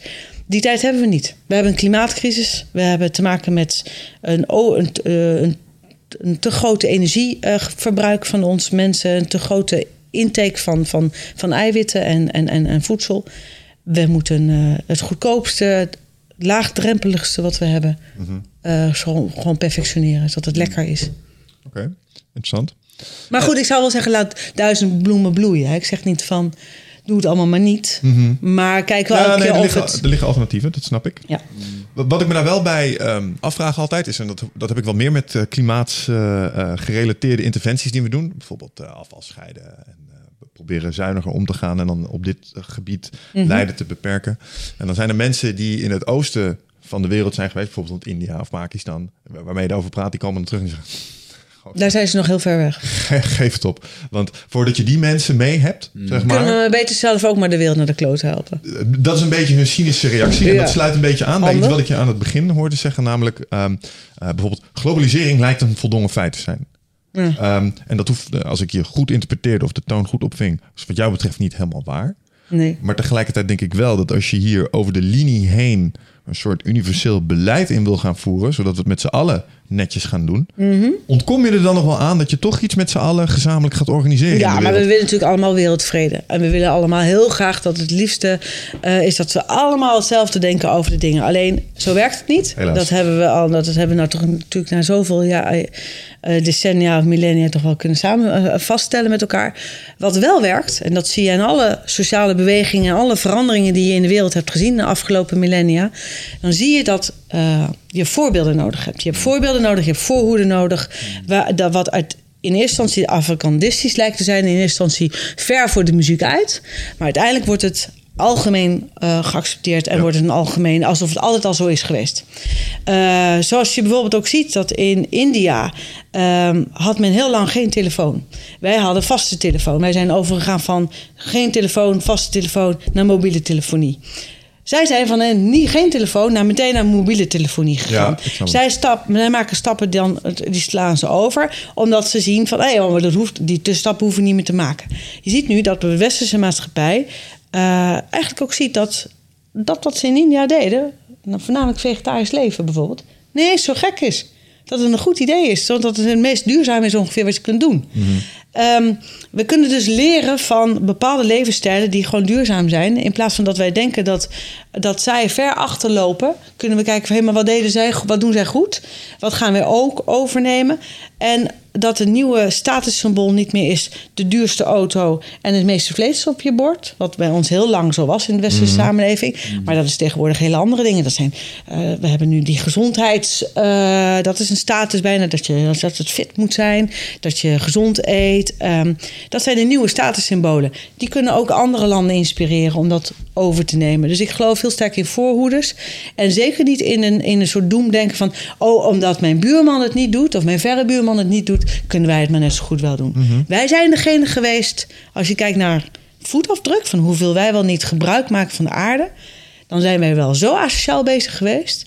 dat wij niet kunnen zeggen... ja, maar zij zijn nog veel asocialer. Nee, wij hebben juist die verantwoordelijkheid... om onze voetafdrukkers maar eens wat kleiner te maken.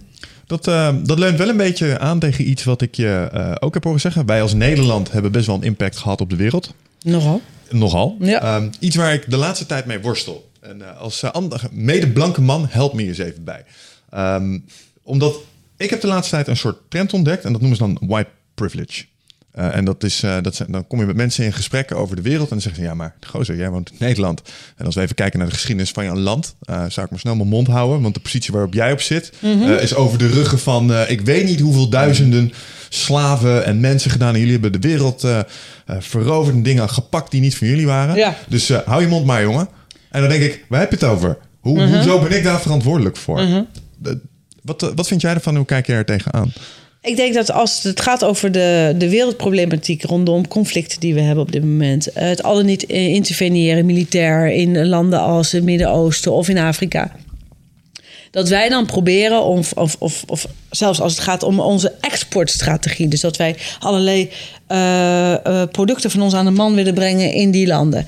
Dat wij in feite bezig zijn om vanuit m- morele superioriteitsgevoel of het gevoel van wij weten het beter, dat wij daar eigenlijk meer schade toe, eh, toebrengen dan dat we iets aan het oplossen zijn. Wat we wel kunnen doen, is dat we even los van een schuldgevoel van het verleden, want dat is gebeurd, volgens mij erkennen we dat ook met z'n allen, dat we dat niet moeten doen.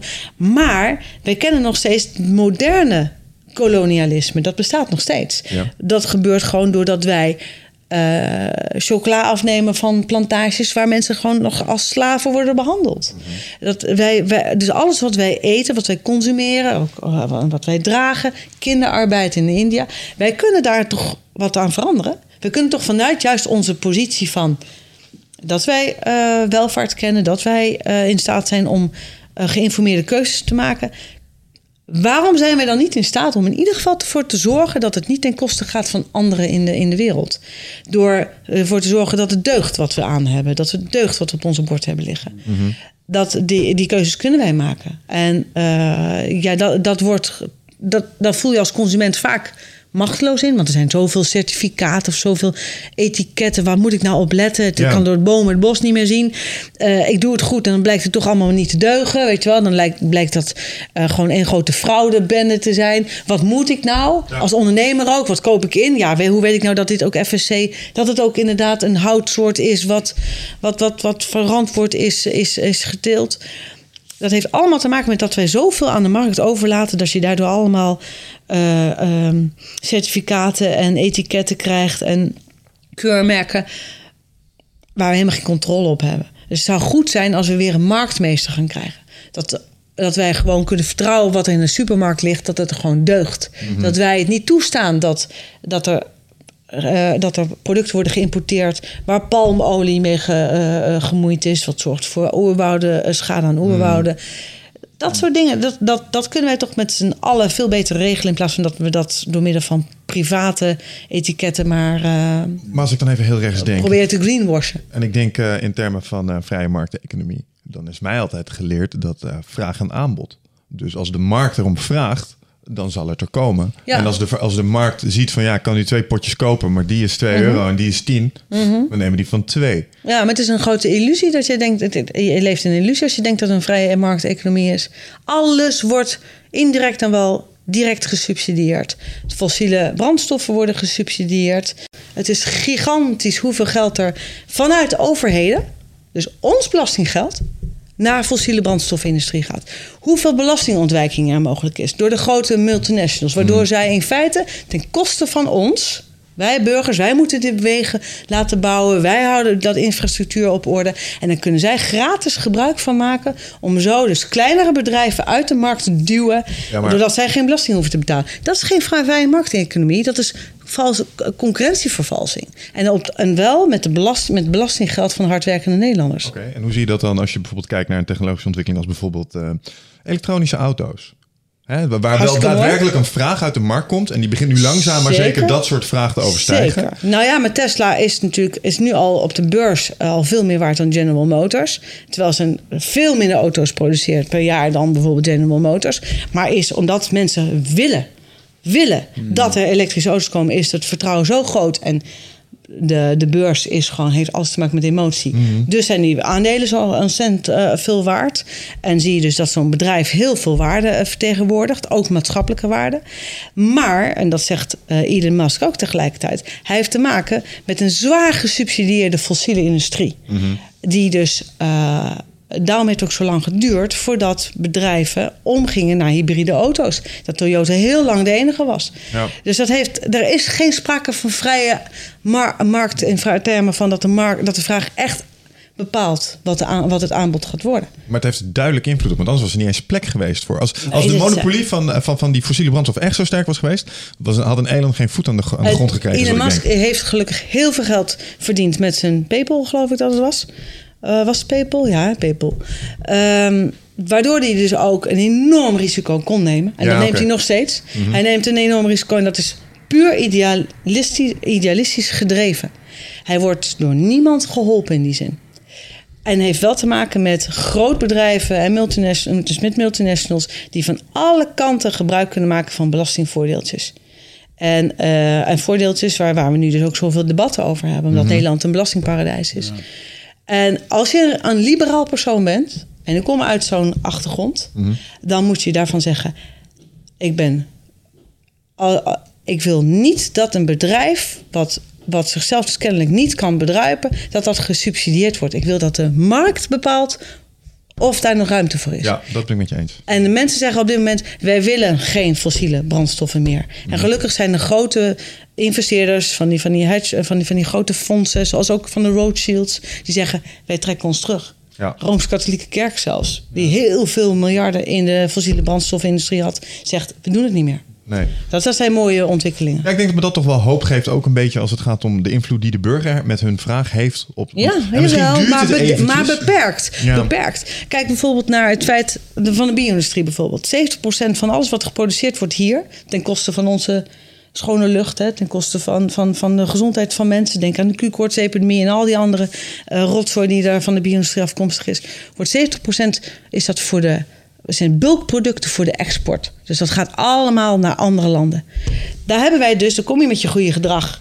Ga je daar een biologisch eitje kopen? Zorg je ervoor dat je een biologische kip eh, eet? Of dat je eh, vegetarische eh, burgers koopt? Je hebt geen invloed op die productiemethode zolang het een enorme exportbedrijf is. Dus heb je een marktmeester nodig die zegt: nee, dit is de standaard. Wij willen ook dat wat je exporteert, dat dat voldoet aan onze normen ten aanzien van milieu en dierenwelzijn en natuur. Ja. Maar hoorde ik jou nou hiervoor zeggen, we hebben weer, weer een marktmeester nodig. Hebben wij die gehad in het verleden?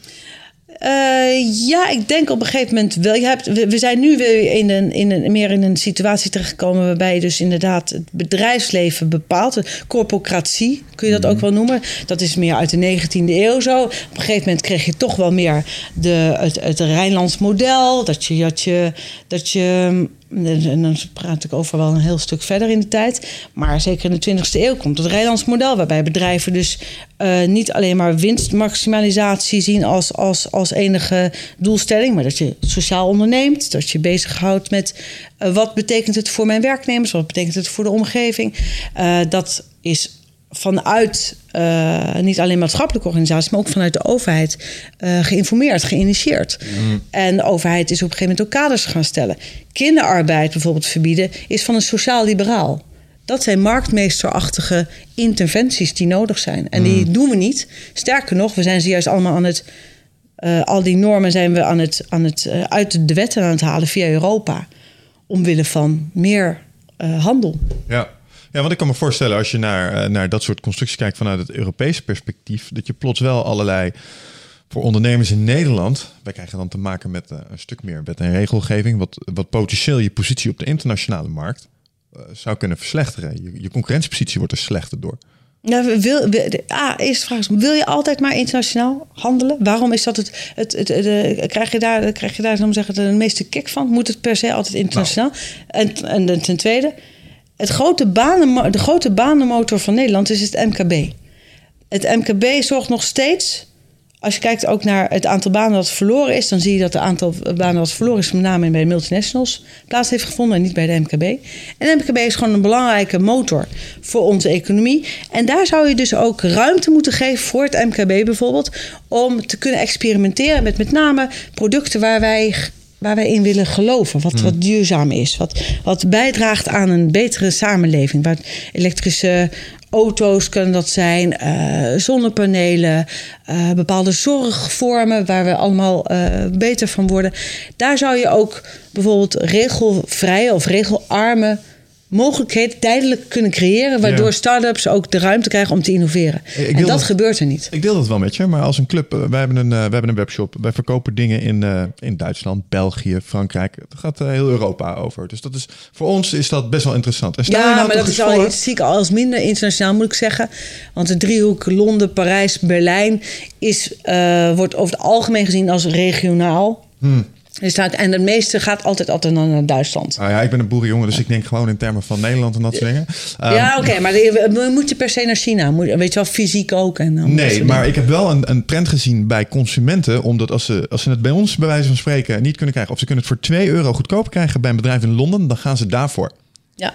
En ik denk dat een dergelijke marktmeester potentieel extra kosten en regulatie met zich meebrengt, die in dat soort dynamieken er nog wel eens voor zouden kunnen zorgen dat wij twee plots aan het kortste eind trekken bij een consument. Ja, of wij moeten beter ons best doen dat ze toch twee euro meer betalen, want een bedrijf als Coolblue lukt dat ook. Ja, precies. Ik denk dat je een aantal consumenten hebt die daarvoor Dankjewel. zal gaan. Want maar daar gaat het om. Ook een mensen willen kwaliteit. die dat niet nou, ja, natuurlijk. Maar je hebt altijd mensen die kijken naar uh, het goedkoopste. Je hebt ook mensen die naar de winkel gaan, kijken naar een mooi apparaat. Die kijken op internet waar het 5 euro goedkoper is. Gaan vervolgens daar kopen. Mm -hmm. En komen dan van de koude kermis terug als het dan kapot gaat en ze geen service krijgen. En Coolblue krijgt dat voor elkaar om dat wel te doen. Maar dat, zit hem, dat zit hem meer in de service die ze bieden. Een stukje extra gemak in tegenstelling tot een uh, zeg maar ethische overtuigingen. Maar mensen willen ook heel... Nee, nee maar dat kan, dat kan hand in hand gaan. En je ziet dan ook bijvoorbeeld dat, dat zo'n Coolblue is dan ook entrepreneur of the year geworden omdat ze, van de Ernst Young is dat een, een, een, een, een uh, jaarlijks terugkerend evenement. Dat je dus ook, waar mensen naar snakken is echtheid, integriteit, service, weer één op één relatie. Mhm. En dat ze daar ook wat voor over hebben. En dat kan zowel op het gebied van service zijn, maar het kan ook op het gebied van transparantie zijn. Waar komt mijn product vandaan? Waar is het gemaakt? Hoe, hoe is het tot stand gekomen? Voedsel en precies hetzelfde. Ja, er zijn altijd mensen zijn die kiloknallers willen kopen. Maar, en, en, en op een gegeven moment moet je daar dus ook van af en zul je dus ook moeten ingrijpen. Maar je kunt ook als ondernemer juist je richten op de groeiende groep mensen die zeggen: Ik wil gewoon weer iemand aan de telefoon krijgen. Ik wil weten waar het vandaan komt. En ik denk dat het ook digitaal kan. Maar goed, dat is ook, eh, vind ik, eh, dat, dat is des ondernemers om daar eh, een gat in de markt te zien. Dat denk ik ook, ja. Mag ik een hele andere vraag stellen? Dat is eigenlijk mijn, brandendste vraag die ik aan jou heb. En dat is, eh, ik was vroeger een VVD-stemmer. Op een gegeven moment vond ik eh, Rutte niet meer eh, voldoen aan de leider die ik toen voor me zag. Van, charismatisch en altijd met die lach. En het ding kwam gewoon niet na, dus toen heb ik een tijdje niet gestemd. Je hebt eigenlijk al in je eerste ding mij overtuigd. Je hoort nog wel eens van mensen die zeggen van... ja, dan ga ik gewoon niet stemmen, want het maakt niet uit. Maakt dus wel heel veel uit, want als er één iemand voor jullie niet aanwezig is... dan gaat er een wet niet door of wordt niet ingediend. Ehm, maar dan komen we bij het volgende. De Partij van de Dieren ehm, is wel heel erg specifiek. Je bent daar heel specifiek mee in de politiek gekomen. Maar als ik jou hoor praten en ik kijk naar jullie programma... dan denk ik, wauw, jullie hebben een mooi programma. Het is veel breder. Denk je niet, tenminste is mijn mening eh, van mijn marketingachtergrond... je loopt eh, leden mis met die naam. Nee. Eh, ik heb ook redelijk wat verstand van marketing. eh, zo onderhand gekregen. En het is juist de bedoeling dat wij. Ik, ik- je moet onderscheiden. Je moet jezelf onderscheiden. Ik ben ervan overtuigd dat wij niet in de Kamer waren gekomen als wij niet Partij voor de Dieren hadden gegeten. Als wij Partij voor Mensen, Dieren, Natuur, Milieu, Aarde en de hele Partij rattenplan van de duurzaamheid. enzovoort. En, ja, daar hebben we. GroenLinks al voor. Of, eh, weet je wel, of eh, dat, dat je... ah, Dat, geen enkele partij heeft zijn hele programma in zijn naam zitten trouwens. Weet je wel, deze, heb jij wat met het getal 66 bijvoorbeeld? Nee, Nee, nou, maar toch is ook niet met de 66 mensen die erachter zitten. Nee, precies. Nee, ik ook, ik ook erg weinig. Maar ehm, het gaat erom dat je, als je in de politiek het verschil wil maken, dan moet je aangeven waar je in verschilt. Wij willen af van het mens centrale denken. De mens als centrum van alles en iedereen. Wij willen dat het ecocentraal wordt gedacht. Waarschijnlijk net als die meneer en die, die, de, de dames en heren die je hebt ontmoet in, eh, in Latijns-Amerika. Dat je het in een bredere perspectief gaat bekijken. Ik begrijp heel goed dat mensen een drempel voelen bij een Partij voor de Dieren. Dat ze denken, ja, maar eh, gaat het dan alleen maar over dieren? Nee, ze moeten ons ontdekken. En ik weet dat je misschien wel in één keer, als je, als je een algemenere naam, dat je dan misschien wel, hoppakee, misschien nog wel meer zetels had kunnen halen. Ik betwijfel het. Maar dan ben je wel ondertussen je hele profiel kwijt. Je moet. Eh, ik geloof heel sterk in een duidelijke. eh, een, een duidelijk profiel. Mensen willen graag weten waar jij voor staat. Ze, je moet ze triggeren, je moet ze nieuwsgierigheid, nieuwsgierig maken. Waar staat die partij nou voor? En, eh, en dat, dat mist op dit moment bij al die andere partijen. Die lijken allemaal op elkaar. Ze zijn weer wisselbaar. En onze partij, ja, die zorgt voor discussie. En wil je verandering in de maatschappij, dan moet je discussie veroorzaken. Waarom is er een Partij voor de Dieren? Waarom heten ze zo? Wat zit daarachter? Ja, en dan krijg je misschien langzamer stemmen, maar je krijgt duurzamere stemmen. Je krijgt langere, als in termen van, van, van, van, van ondernemerschap je krijgt klanten die blijven. Omdat ze echt overtuigd zijn geraakt van het programma. In plaats van dat het van die shoppers zijn die even langskomen en denken: Oh ja, dan doe ik dat wel. Oh, Ja, dan doe ik die wel. Oh, ik ga weer weg, ga weer naar een andere, ander bedrijf. Dus dat, dat, dat werkt met de politiek ook zo. Je wil duurzaam groeien, langzaam, maar steady. En dat zie je ook gebeuren bij ons. Wij hebben een hele steady groei. En ik geloof dat die groei nog heel lang doorgaat. Maar wel vanuit eh, mensen die echt overtuigd zijn geraakt over, over ons programma. In plaats van alleen maar mensen die eh, eventjes denken: ach, doe het maar een keer een Partij voor de Dieren. Mooi, daar heb je stevig over nagedacht. Of tenminste, je hebt het goed, eh, je verwoordt dat heel erg mooi. Ehm, maar om zoiets goed te kunnen verwoorden, en dat vind ik ook wel een mooie, heb je een hele sterke visie nodig. Ja. En dan ben ik heel erg benieuwd, waar sta jij over vijf jaar? Oh, is dat een. en Dan is denk ik mijn visie. Oh, jouw eigen roadmap, laten we het daar hebben. Ja, oké, dat is net. Oh, oké, ja, oké. Want visie is, ik bedoel, dat, dat is iets wat je natuurlijk blijft ontwikkelen.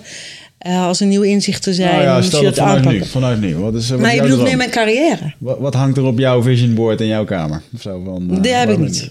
Ik, eh, die heb ik niet. Ehm, In jouw hoofd. Ehm, ik denk dat eh, zolang eh, mensen mij nog zien zitten als leider, ik gewoon het nog met heel veel plezier eh, zal kunnen blijven doen. En, ehm, dus, en of, dat, of dat ook een, polit- een politicus is over vijf jaar, of meer als adviseur of op een andere manier bij de partij. Dat laat ik eigenlijk een beetje over aan, aan gewoon het draagvlak wat ik zelf heb binnen de partij. Ik heb, daar zelf, ik, ik heb zelf erg veel plezier in mijn werk. Dus dat, dat doe ik graag. Ja, dat vind ik wel mooi, want ik heb natuurlijk ook wat ingelezen. Je hebt ook nog een, eh, een gezinsleven erbij. eh, waarin ik ook las dat er af en toe rode strepen in jouw agenda staan, omdat er dan gewoon tijd is voor het gezin. Zeker. Eh, onlangs is er een van jouw collega's in opspraak gekomen omdat hij een papa-dag had. Nou, dat kon niet als politicus, daar ging heel Nederland dan weer overheen. Oh, wacht even kijken. Belachelijk. Ja, was zijn er een paar? Was, was dat Klaver? Ja, mij eerste klaver. Ja. Ik vind het belachelijk dat mensen daarover vallen. Laat iemand zijn papa dag hebben ja, het is ook gewoon mens. Ja, kom Ook, op. eh, Dat zou nou zo mooi zijn als mannen en vrouwen allebei de vrijheid, eh, eh, zowel mannen als vrouwen, de vrijheid voelen om hun eigen leven in te richten. Nou, wat ik dus, ik, ik ervaar het nu zelf. Ik bedoel, ik ga een kleine krijgen in april. En dan zeggen mensen, ik zie mensen helemaal in een kramp schieten van, pas maar op hoor, want je, je krijgt twee dagen vrij en dan dit. En nou, gelukkig ben ik ondernemer en mijn vriendin ook. En wij hebben dat eigenlijk zo ingekleed. Wij hebben niet zoveel stress over wat er komen gaat. Omdat we gewoon, dan en dan gaan we het inregelen zoals we dat helemaal zelf willen.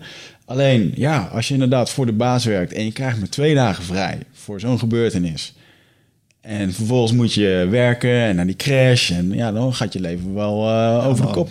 Dat is echt wel even iets wat gebeurt. In Noorwegen krijg je een jaar vrij als vader of Ja, zo. Finland of Zweden of zo. Ja, daar wordt wel erkend dat dat een eh, ingreep in je leven is volgens mij. Dus, Ja, eh, maar dat is wel mooi als we daar naartoe zouden kunnen gaan. Ja. Je zou, het iedereen willen gunnen, toch? Dat is Ja, het mooiste dan moet je niet op de. VVD stemmen. Nee. Nee. Nee, dat doe ik nu ook niet meer. Ehm, maar ook, eh, dat vind ik wel mooi, hè? want ehm, eh, met het gezinsleven en een hele... Hoe, hoe, ziet een, hoe begin jij je dag? Heb jij een bepaald ritueel? En hoe ziet een dagelijkse dag voor jou eruit? Heb jij morning rituals? Ochtends om, wat is het, zeven uur, half zeven, dan komt mijn dochter Amelie uit bed. En, de wekker.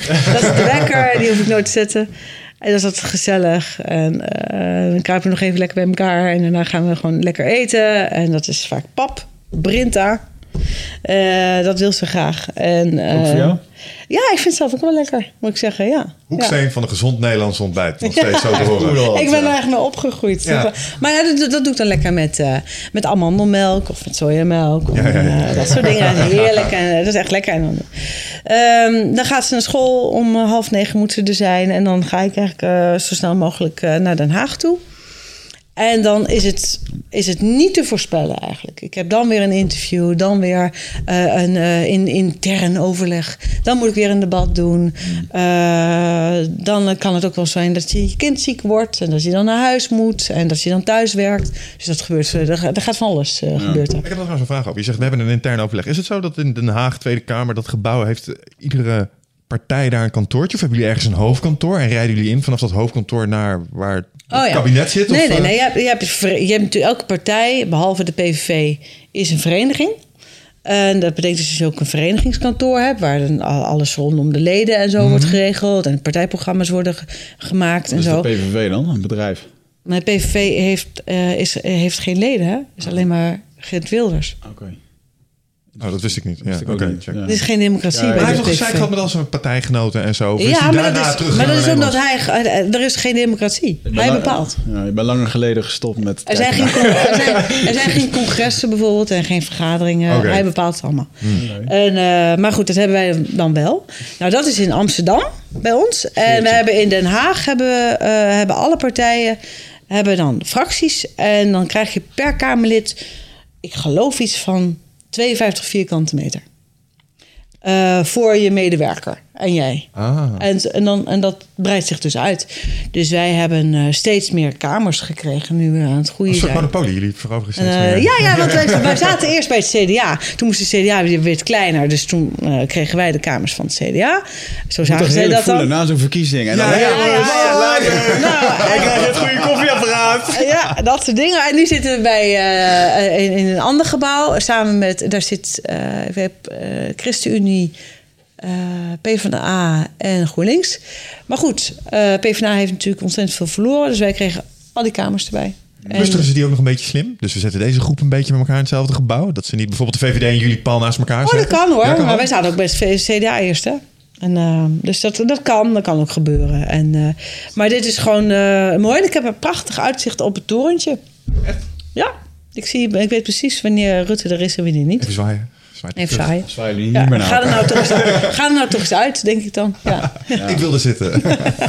ja, wat vind je van Rutte zit er echt wel al lang.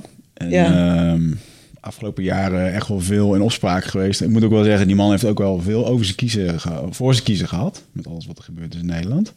Hoe vind jij dat hij, uh, dat, hij, dat, hij dat heeft gedaan?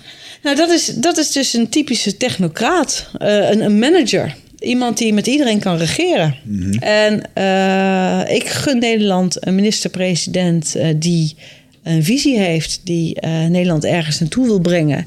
Maar hij kan zowel met een ChristenUnie als met een SGP als met een D66 of hij is overal wel voor in. En dat geeft dus aan dat, dat, dat hij.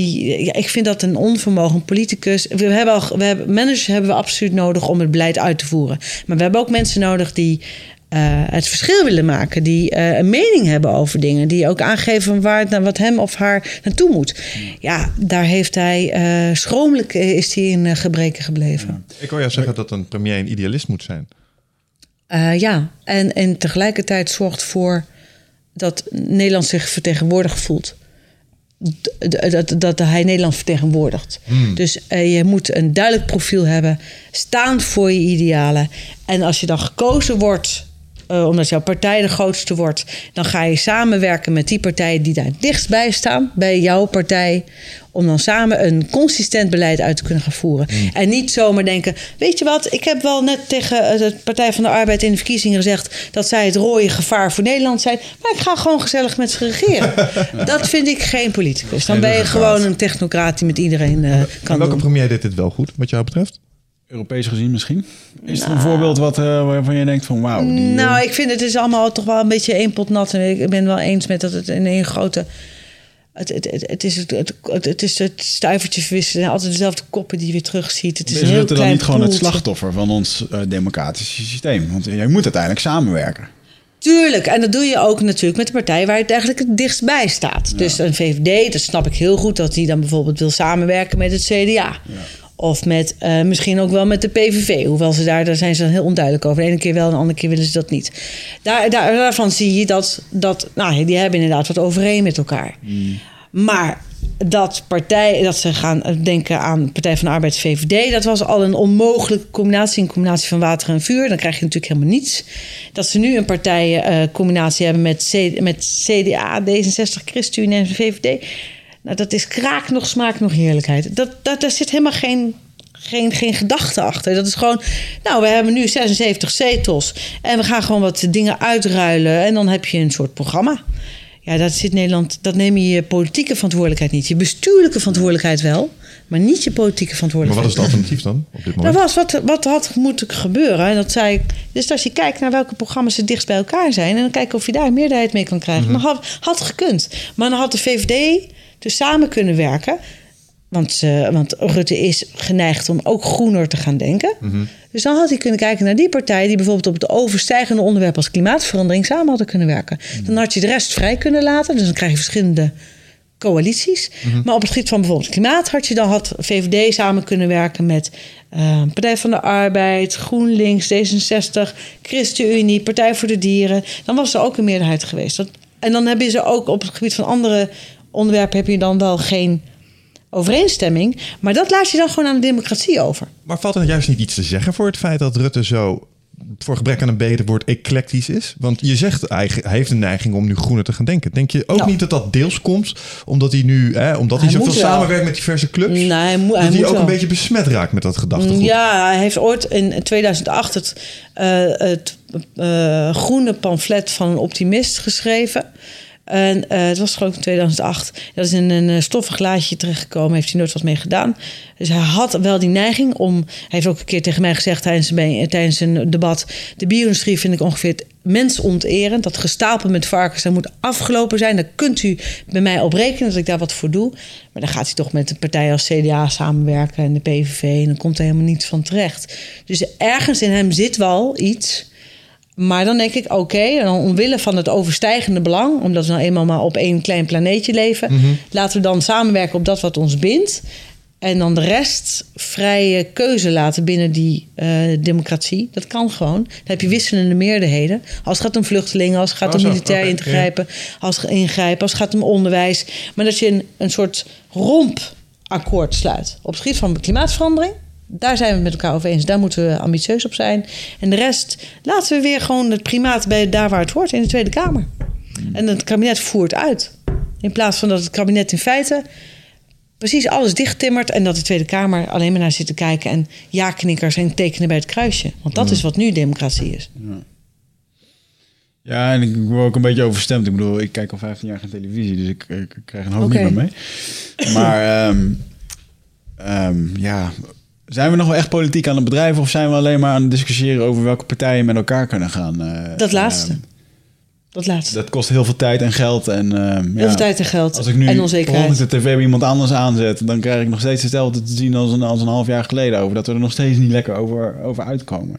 Ja, Maar dat zal nooit anders zijn, joh. Ja, we ben je niet. voldongen feitendenkers, hè? een keer, een Nou, keer, een keer helemaal. komt daar verandering. Ik geloof er ook wel in. Nee, je zult nooit voorkomen dat mensen verschillende blikken erop nahouden. En Ja, dat, er heel discussie, goed. dat er discussie over Maar moet dat zijn. moet. En dat is misschien wel een beetje het theaterspel wat jij beschrijft. En dat gebeurt met een bepaalde manier. Daar vind ik ook iets van. De Tweede Kamer, als je die zo af en toe van een afstandje beschouwt. Ik bedoel, ik heb ook een stukje van jou gezien waarbij je, je steekt het enigszins komisch in. Een paar mensen lachen, weet je wel. Andere mensen die zitten een beetje verbolgen te kijken. Ik denk dat dat is wat Wiggert bedoelt. Maar ik denk dat het hartstikke goed is dat mensen zo af en toe even verbaal met elkaar op de vuist gaan. Om de onderste steen boven te krijgen. Ja, maar dat, Dus dat gebeurde dat maar feit, meer. denk ik. Ik denk dat dat gewoon de menselijke Nee, maar, is. ja, maar, nee, maar, oh, mag, dan, dan denk ik dat we gewoon eh, op, eh, op een ander bord aan het schaken zijn. Kijk, dat het, die, de, de debatten die nu meestal worden gevoerd zijn een soort boekhoudersdebatten.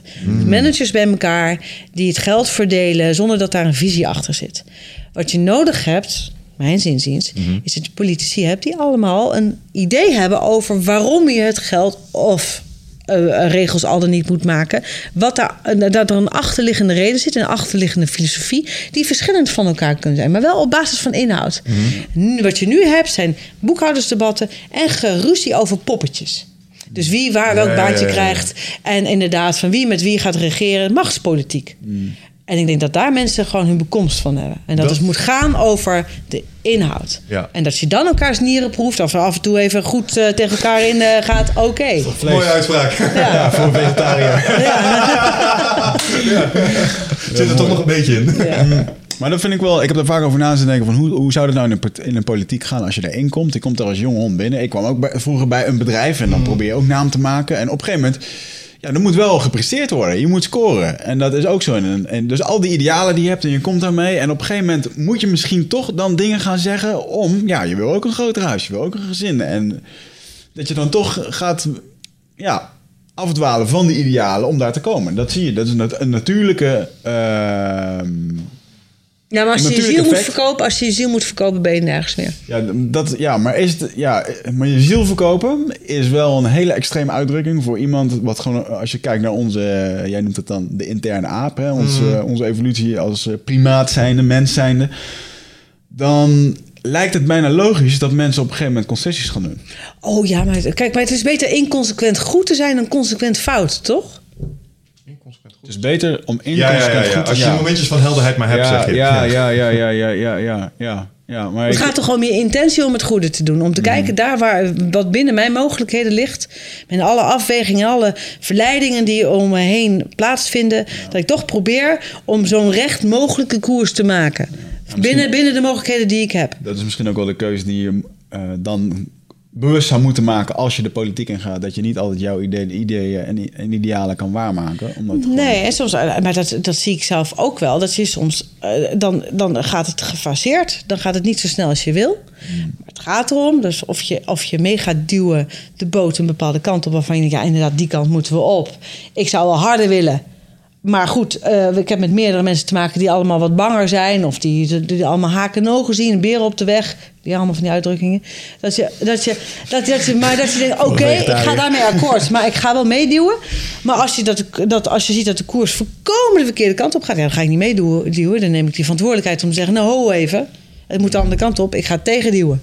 Ja. Maar dat is het, soort- het goede soort idealisme volgens mij. Dat, er zit een bepaald pragmatisme in. En ik denk dat dat, eh, dat, dat heel Ja, belangrijk is. ja. Maar dat is wat anders dan, weet je wel, compromissen sluiten is prima als het het doel dient. Maar als het een doel in zichzelf wordt, namelijk, eh, ja, ik wil nou eenmaal gewoon in een machtspolitieke situatie komen te zitten. Ik wil gewoon meeregeren. Eh, ik vind het al heel erg knap van ons dat we samen tot een overeenkomst, eh, overeenkomst zijn gekomen. En als je dan vraagt, ja, maar waar gaat het dan over? Ja, allemaal vrijblijvend. Ja, dat is compromisme, noem ik Ja, dat. ja, ja. Daar heb ik niks mee. En dat is wat de klok slaat nu.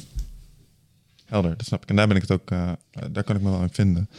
Ehm, even kijken, heb jij nog... eh, Ja, ik ben wel benieuwd, want we lopen een beetje tegen een einde aan. Ehm, maar ik was wel eens even benieuwd, hoe, hoe, hoe gaat dat onderling tussen jullie en partijen? Als jij Rutte in de hal tegenkomt, is er dan strijd of is er dan gewoon een Nee, collega- nee, nee. Rutte is zeer Het is een hele joviaal iemand. Die, die zegt al gozer tegen iemand als hij hem nog niet kent. Dus dat is, over het algemeen gaat het heel, heel smooth. En ja, even een ander spectrum eh, wat er in de Tweede Kamer rondloopt, eh, de heer Geert Wilders. En Ja, maar- die is ook heel... eh, de- de- je merkt, en dat, dat, daar merk je ook wel aan... dat het vrij oppervlakkig blijft. Dus ook die discussies. Dat men elkaar niet iets nadraagt. Het is... Het is eh, het, er zitten ook wel heel veel beroeps, beroeps, eh, beroepspolitici die daar zitten gewoon. Die zouden de ene vier jaar kunnen pleiten voor marktwerking in de zorg. En de volgende vier jaar, oh, zijn we er niet meer mee eens? Oh, dan, eh, dan, dan opeens voor het- uitfaseren van marktwerking. Dat soort beroepspolitici heb je heel erg veel. Dus die kunnen ook heel goed met elkaar lekker borrelen in nieuwsport. Want dan heb je een soort solliciteit waar, waar de mensen komen. Ik probeer daar... ik, ben daar niet lid van. Eh, ik, ik ken dat soort netwerken. Ook uit mijn studentenvereniging. ja, ik ben, ik ben lid geweest, ik ben lid geweest van het koor, dus ik weet, ik weet hoe dat werkt. En ehm, dus dat, dat, ik vind het prima om, om op goede voet als collega's gewoon vriendelijk met elkaar om te gaan buiten de politieke arena.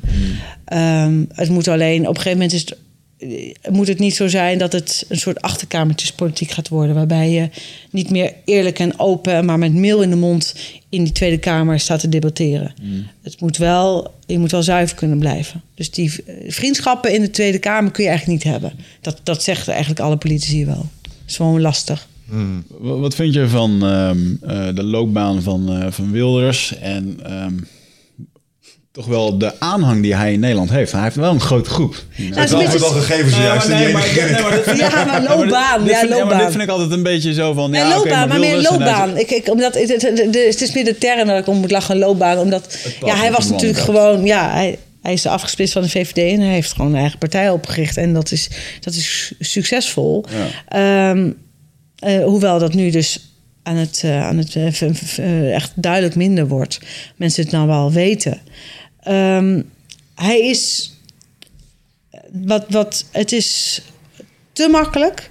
Of wat, wat ik heel kwalijk vind, is dat eh, mensen, eh, of politici, de kiezers of voor Wilders wegzetten als domme eh, racisten die van toeten nog blazen weten. Het is, het, dit, de- deze eh, man, Wilders, is het resultaat van het feit, en dat is met Trump of anderen, van dat de traditionele politiek geen antwoord weet op de vragen waar de- en de zorgen van mensen van nu. En eh, het is te makkelijk om, eh, dat- en dat is ook dat elitaire, dat wij weten wel hoe het allemaal zit in Den Haag. En daar hebben mensen zo, dat worden, daar mensen worden daar woedend van. En dan kan, kunnen mensen zoals Wilders kunnen daar dan garen bij spinnen. Ja. Door dan te zeggen, kijk, ik heb de oplossing. En dan roept, toetert hij wat. En dan, eh, en dan denken mensen, nou, maar hij zegt het wel. En dat, dat geeft dan wat, op dat moment kort even wat vertrouwen. Maar eh, in, op lange termijn gaat het niet iets oplossen. Want hij heeft helemaal geen oplossing. En dat zie ik ook in de Tweede Kamer. Er was op een gegeven moment een debat na de Prinsjesdag. En eh, elke fractievoorzitter die begon Wilders belachelijk te maken tijdens dat debat. Over vluchtelingen. En eh, ging het over, over islam en vluchtelingen. En toen dacht ik, nou, wat, wat belangrijk is, is dat, je, dat ik laat dat er een vraag wordt gesteld aan Wilders. Ja, maar hoe wil je nou voorkomen dat we vluchtelingen naar Nederland krijgen? Want we willen allemaal geen vluchtelingen. Niemand wil vluchtelingen, toch? Je wil niet dat mensen op drift raken. Je wil dat mensen gewoon veilig zijn en dat ze niet hoeven te vluchten. Dus ik zei van, nou, niemand wil vluchtelingen, maar eh, hoe wilt u dan voorkomen dat de vluchtelingen naar Nederland komen? Bent u niet geïnteresseerd in de oorzaken waarom mensen vluchten? Nee, ben ik niet in geïnteresseerd. Ik wil ze gewoon niet. Daar kwam het in feite op neer. Ja. En dan maak je duidelijk als politici, hoop ik tenminste, dat was mijn, in, in, in- mijn, mijn inzet in ieder geval, dat hij wel iets roept, maar dat hij eigenlijk ook niet werkt aan een oplossing. En ik denk dat, dat, dat we dat wat meer met z'n allen zouden moeten doen, waardoor mensen ook het gevoel hebben van, oh, er zijn ook nog andere partijen waar ik op kan stemmen. Ja, ik denk dat de Wilders dan gewoon zegt van ja, ik wil dat niet. En het, maakt hem niet zoveel uit waarom dat het daar allemaal gebeurt. Hij wil het gewoon niet hier hebben. Ja, maar je wilt toch ook weten waarom mensen. Als je toch ziet dat de meeste vluchtelingen, steeds meer vluchtelingen vluchten vanwege droogte, vanwege klimaatverandering, vanwege overstromingen, vanwege dat soort zaken, dat conflicten ontstaan door grondstoffentekorten, dan denk je: hé, hey, wacht eens even. Wat doen wij ook weer in Nederland? Waar zijn we ook weer mee bezig? Wij zijn bezig met grondstoffen daar weghalen. We zijn bezig met een enorme CO2-uitstoot. Waardoor er droogtes, extreme weeromstandigheden komen. Laten we samen wat aan die klimaatverandering doen. Dan houden we ook klimaatvluchtelingen tegen. Het is een welbegrepen eigenbelang, zou ik zeggen, van de meneer Wilders. Om dan daar samen met ons aan te werken. Maar hij ont- ontkent de klimaatverandering. Ja. ja, wordt het wel heel lastig. We gaan hem aan de tand voelen hier. We gaan hem We uitnodigen. gaan hem uitnodigen. Hebben ze een nummer voor ons? Eh, ja, maar dat geef ik niet. Ja, je, zegt, je bent over het algemeen één, v- vijf telefoonnummers verwijderd van iedereen in de wereld. Maar nu hebben we iemand in de studio die is gewoon kat in het bakkie. Oké, ik ehm, denk dat we aan het einde gaan komen. Ja. Ik wil je onwijs bedanken voor eh, je komst in de studio. Nou, Ehm, ik hoop dat je ooit nog een keer, eh, misschien dat je over een paar jaar weer eens een keer terug wil komen om een Ja, update te geven. En ehm, eh, in ieder geval heel veel succes met al je plannen, met je visie, met je Dankjewel. daadkracht. Ik Dankjewel. denk dat je een voorbeeld bent voor eh, veel eh, ehm, mannelijke, maar ook vrouwelijke leiders. Nou, Vooral vrouwelijke dankjewel. leiders. En eh, daarbij wil ik je alle succes eh, wensen. Dankjewel. En luisteraars, eh dankjewel voor jullie eh, luistertijd. Eén klein dingetje nog. Mhm. Wil jij je ding nog even doen voordat je gaat? Mijn ding nog even doen Je voordat ik ga. Ah, en voorts ben ik van mening dat er een einde moet komen aan de bio-industrie. Dankjewel. Tot de volgende keer. Ciao.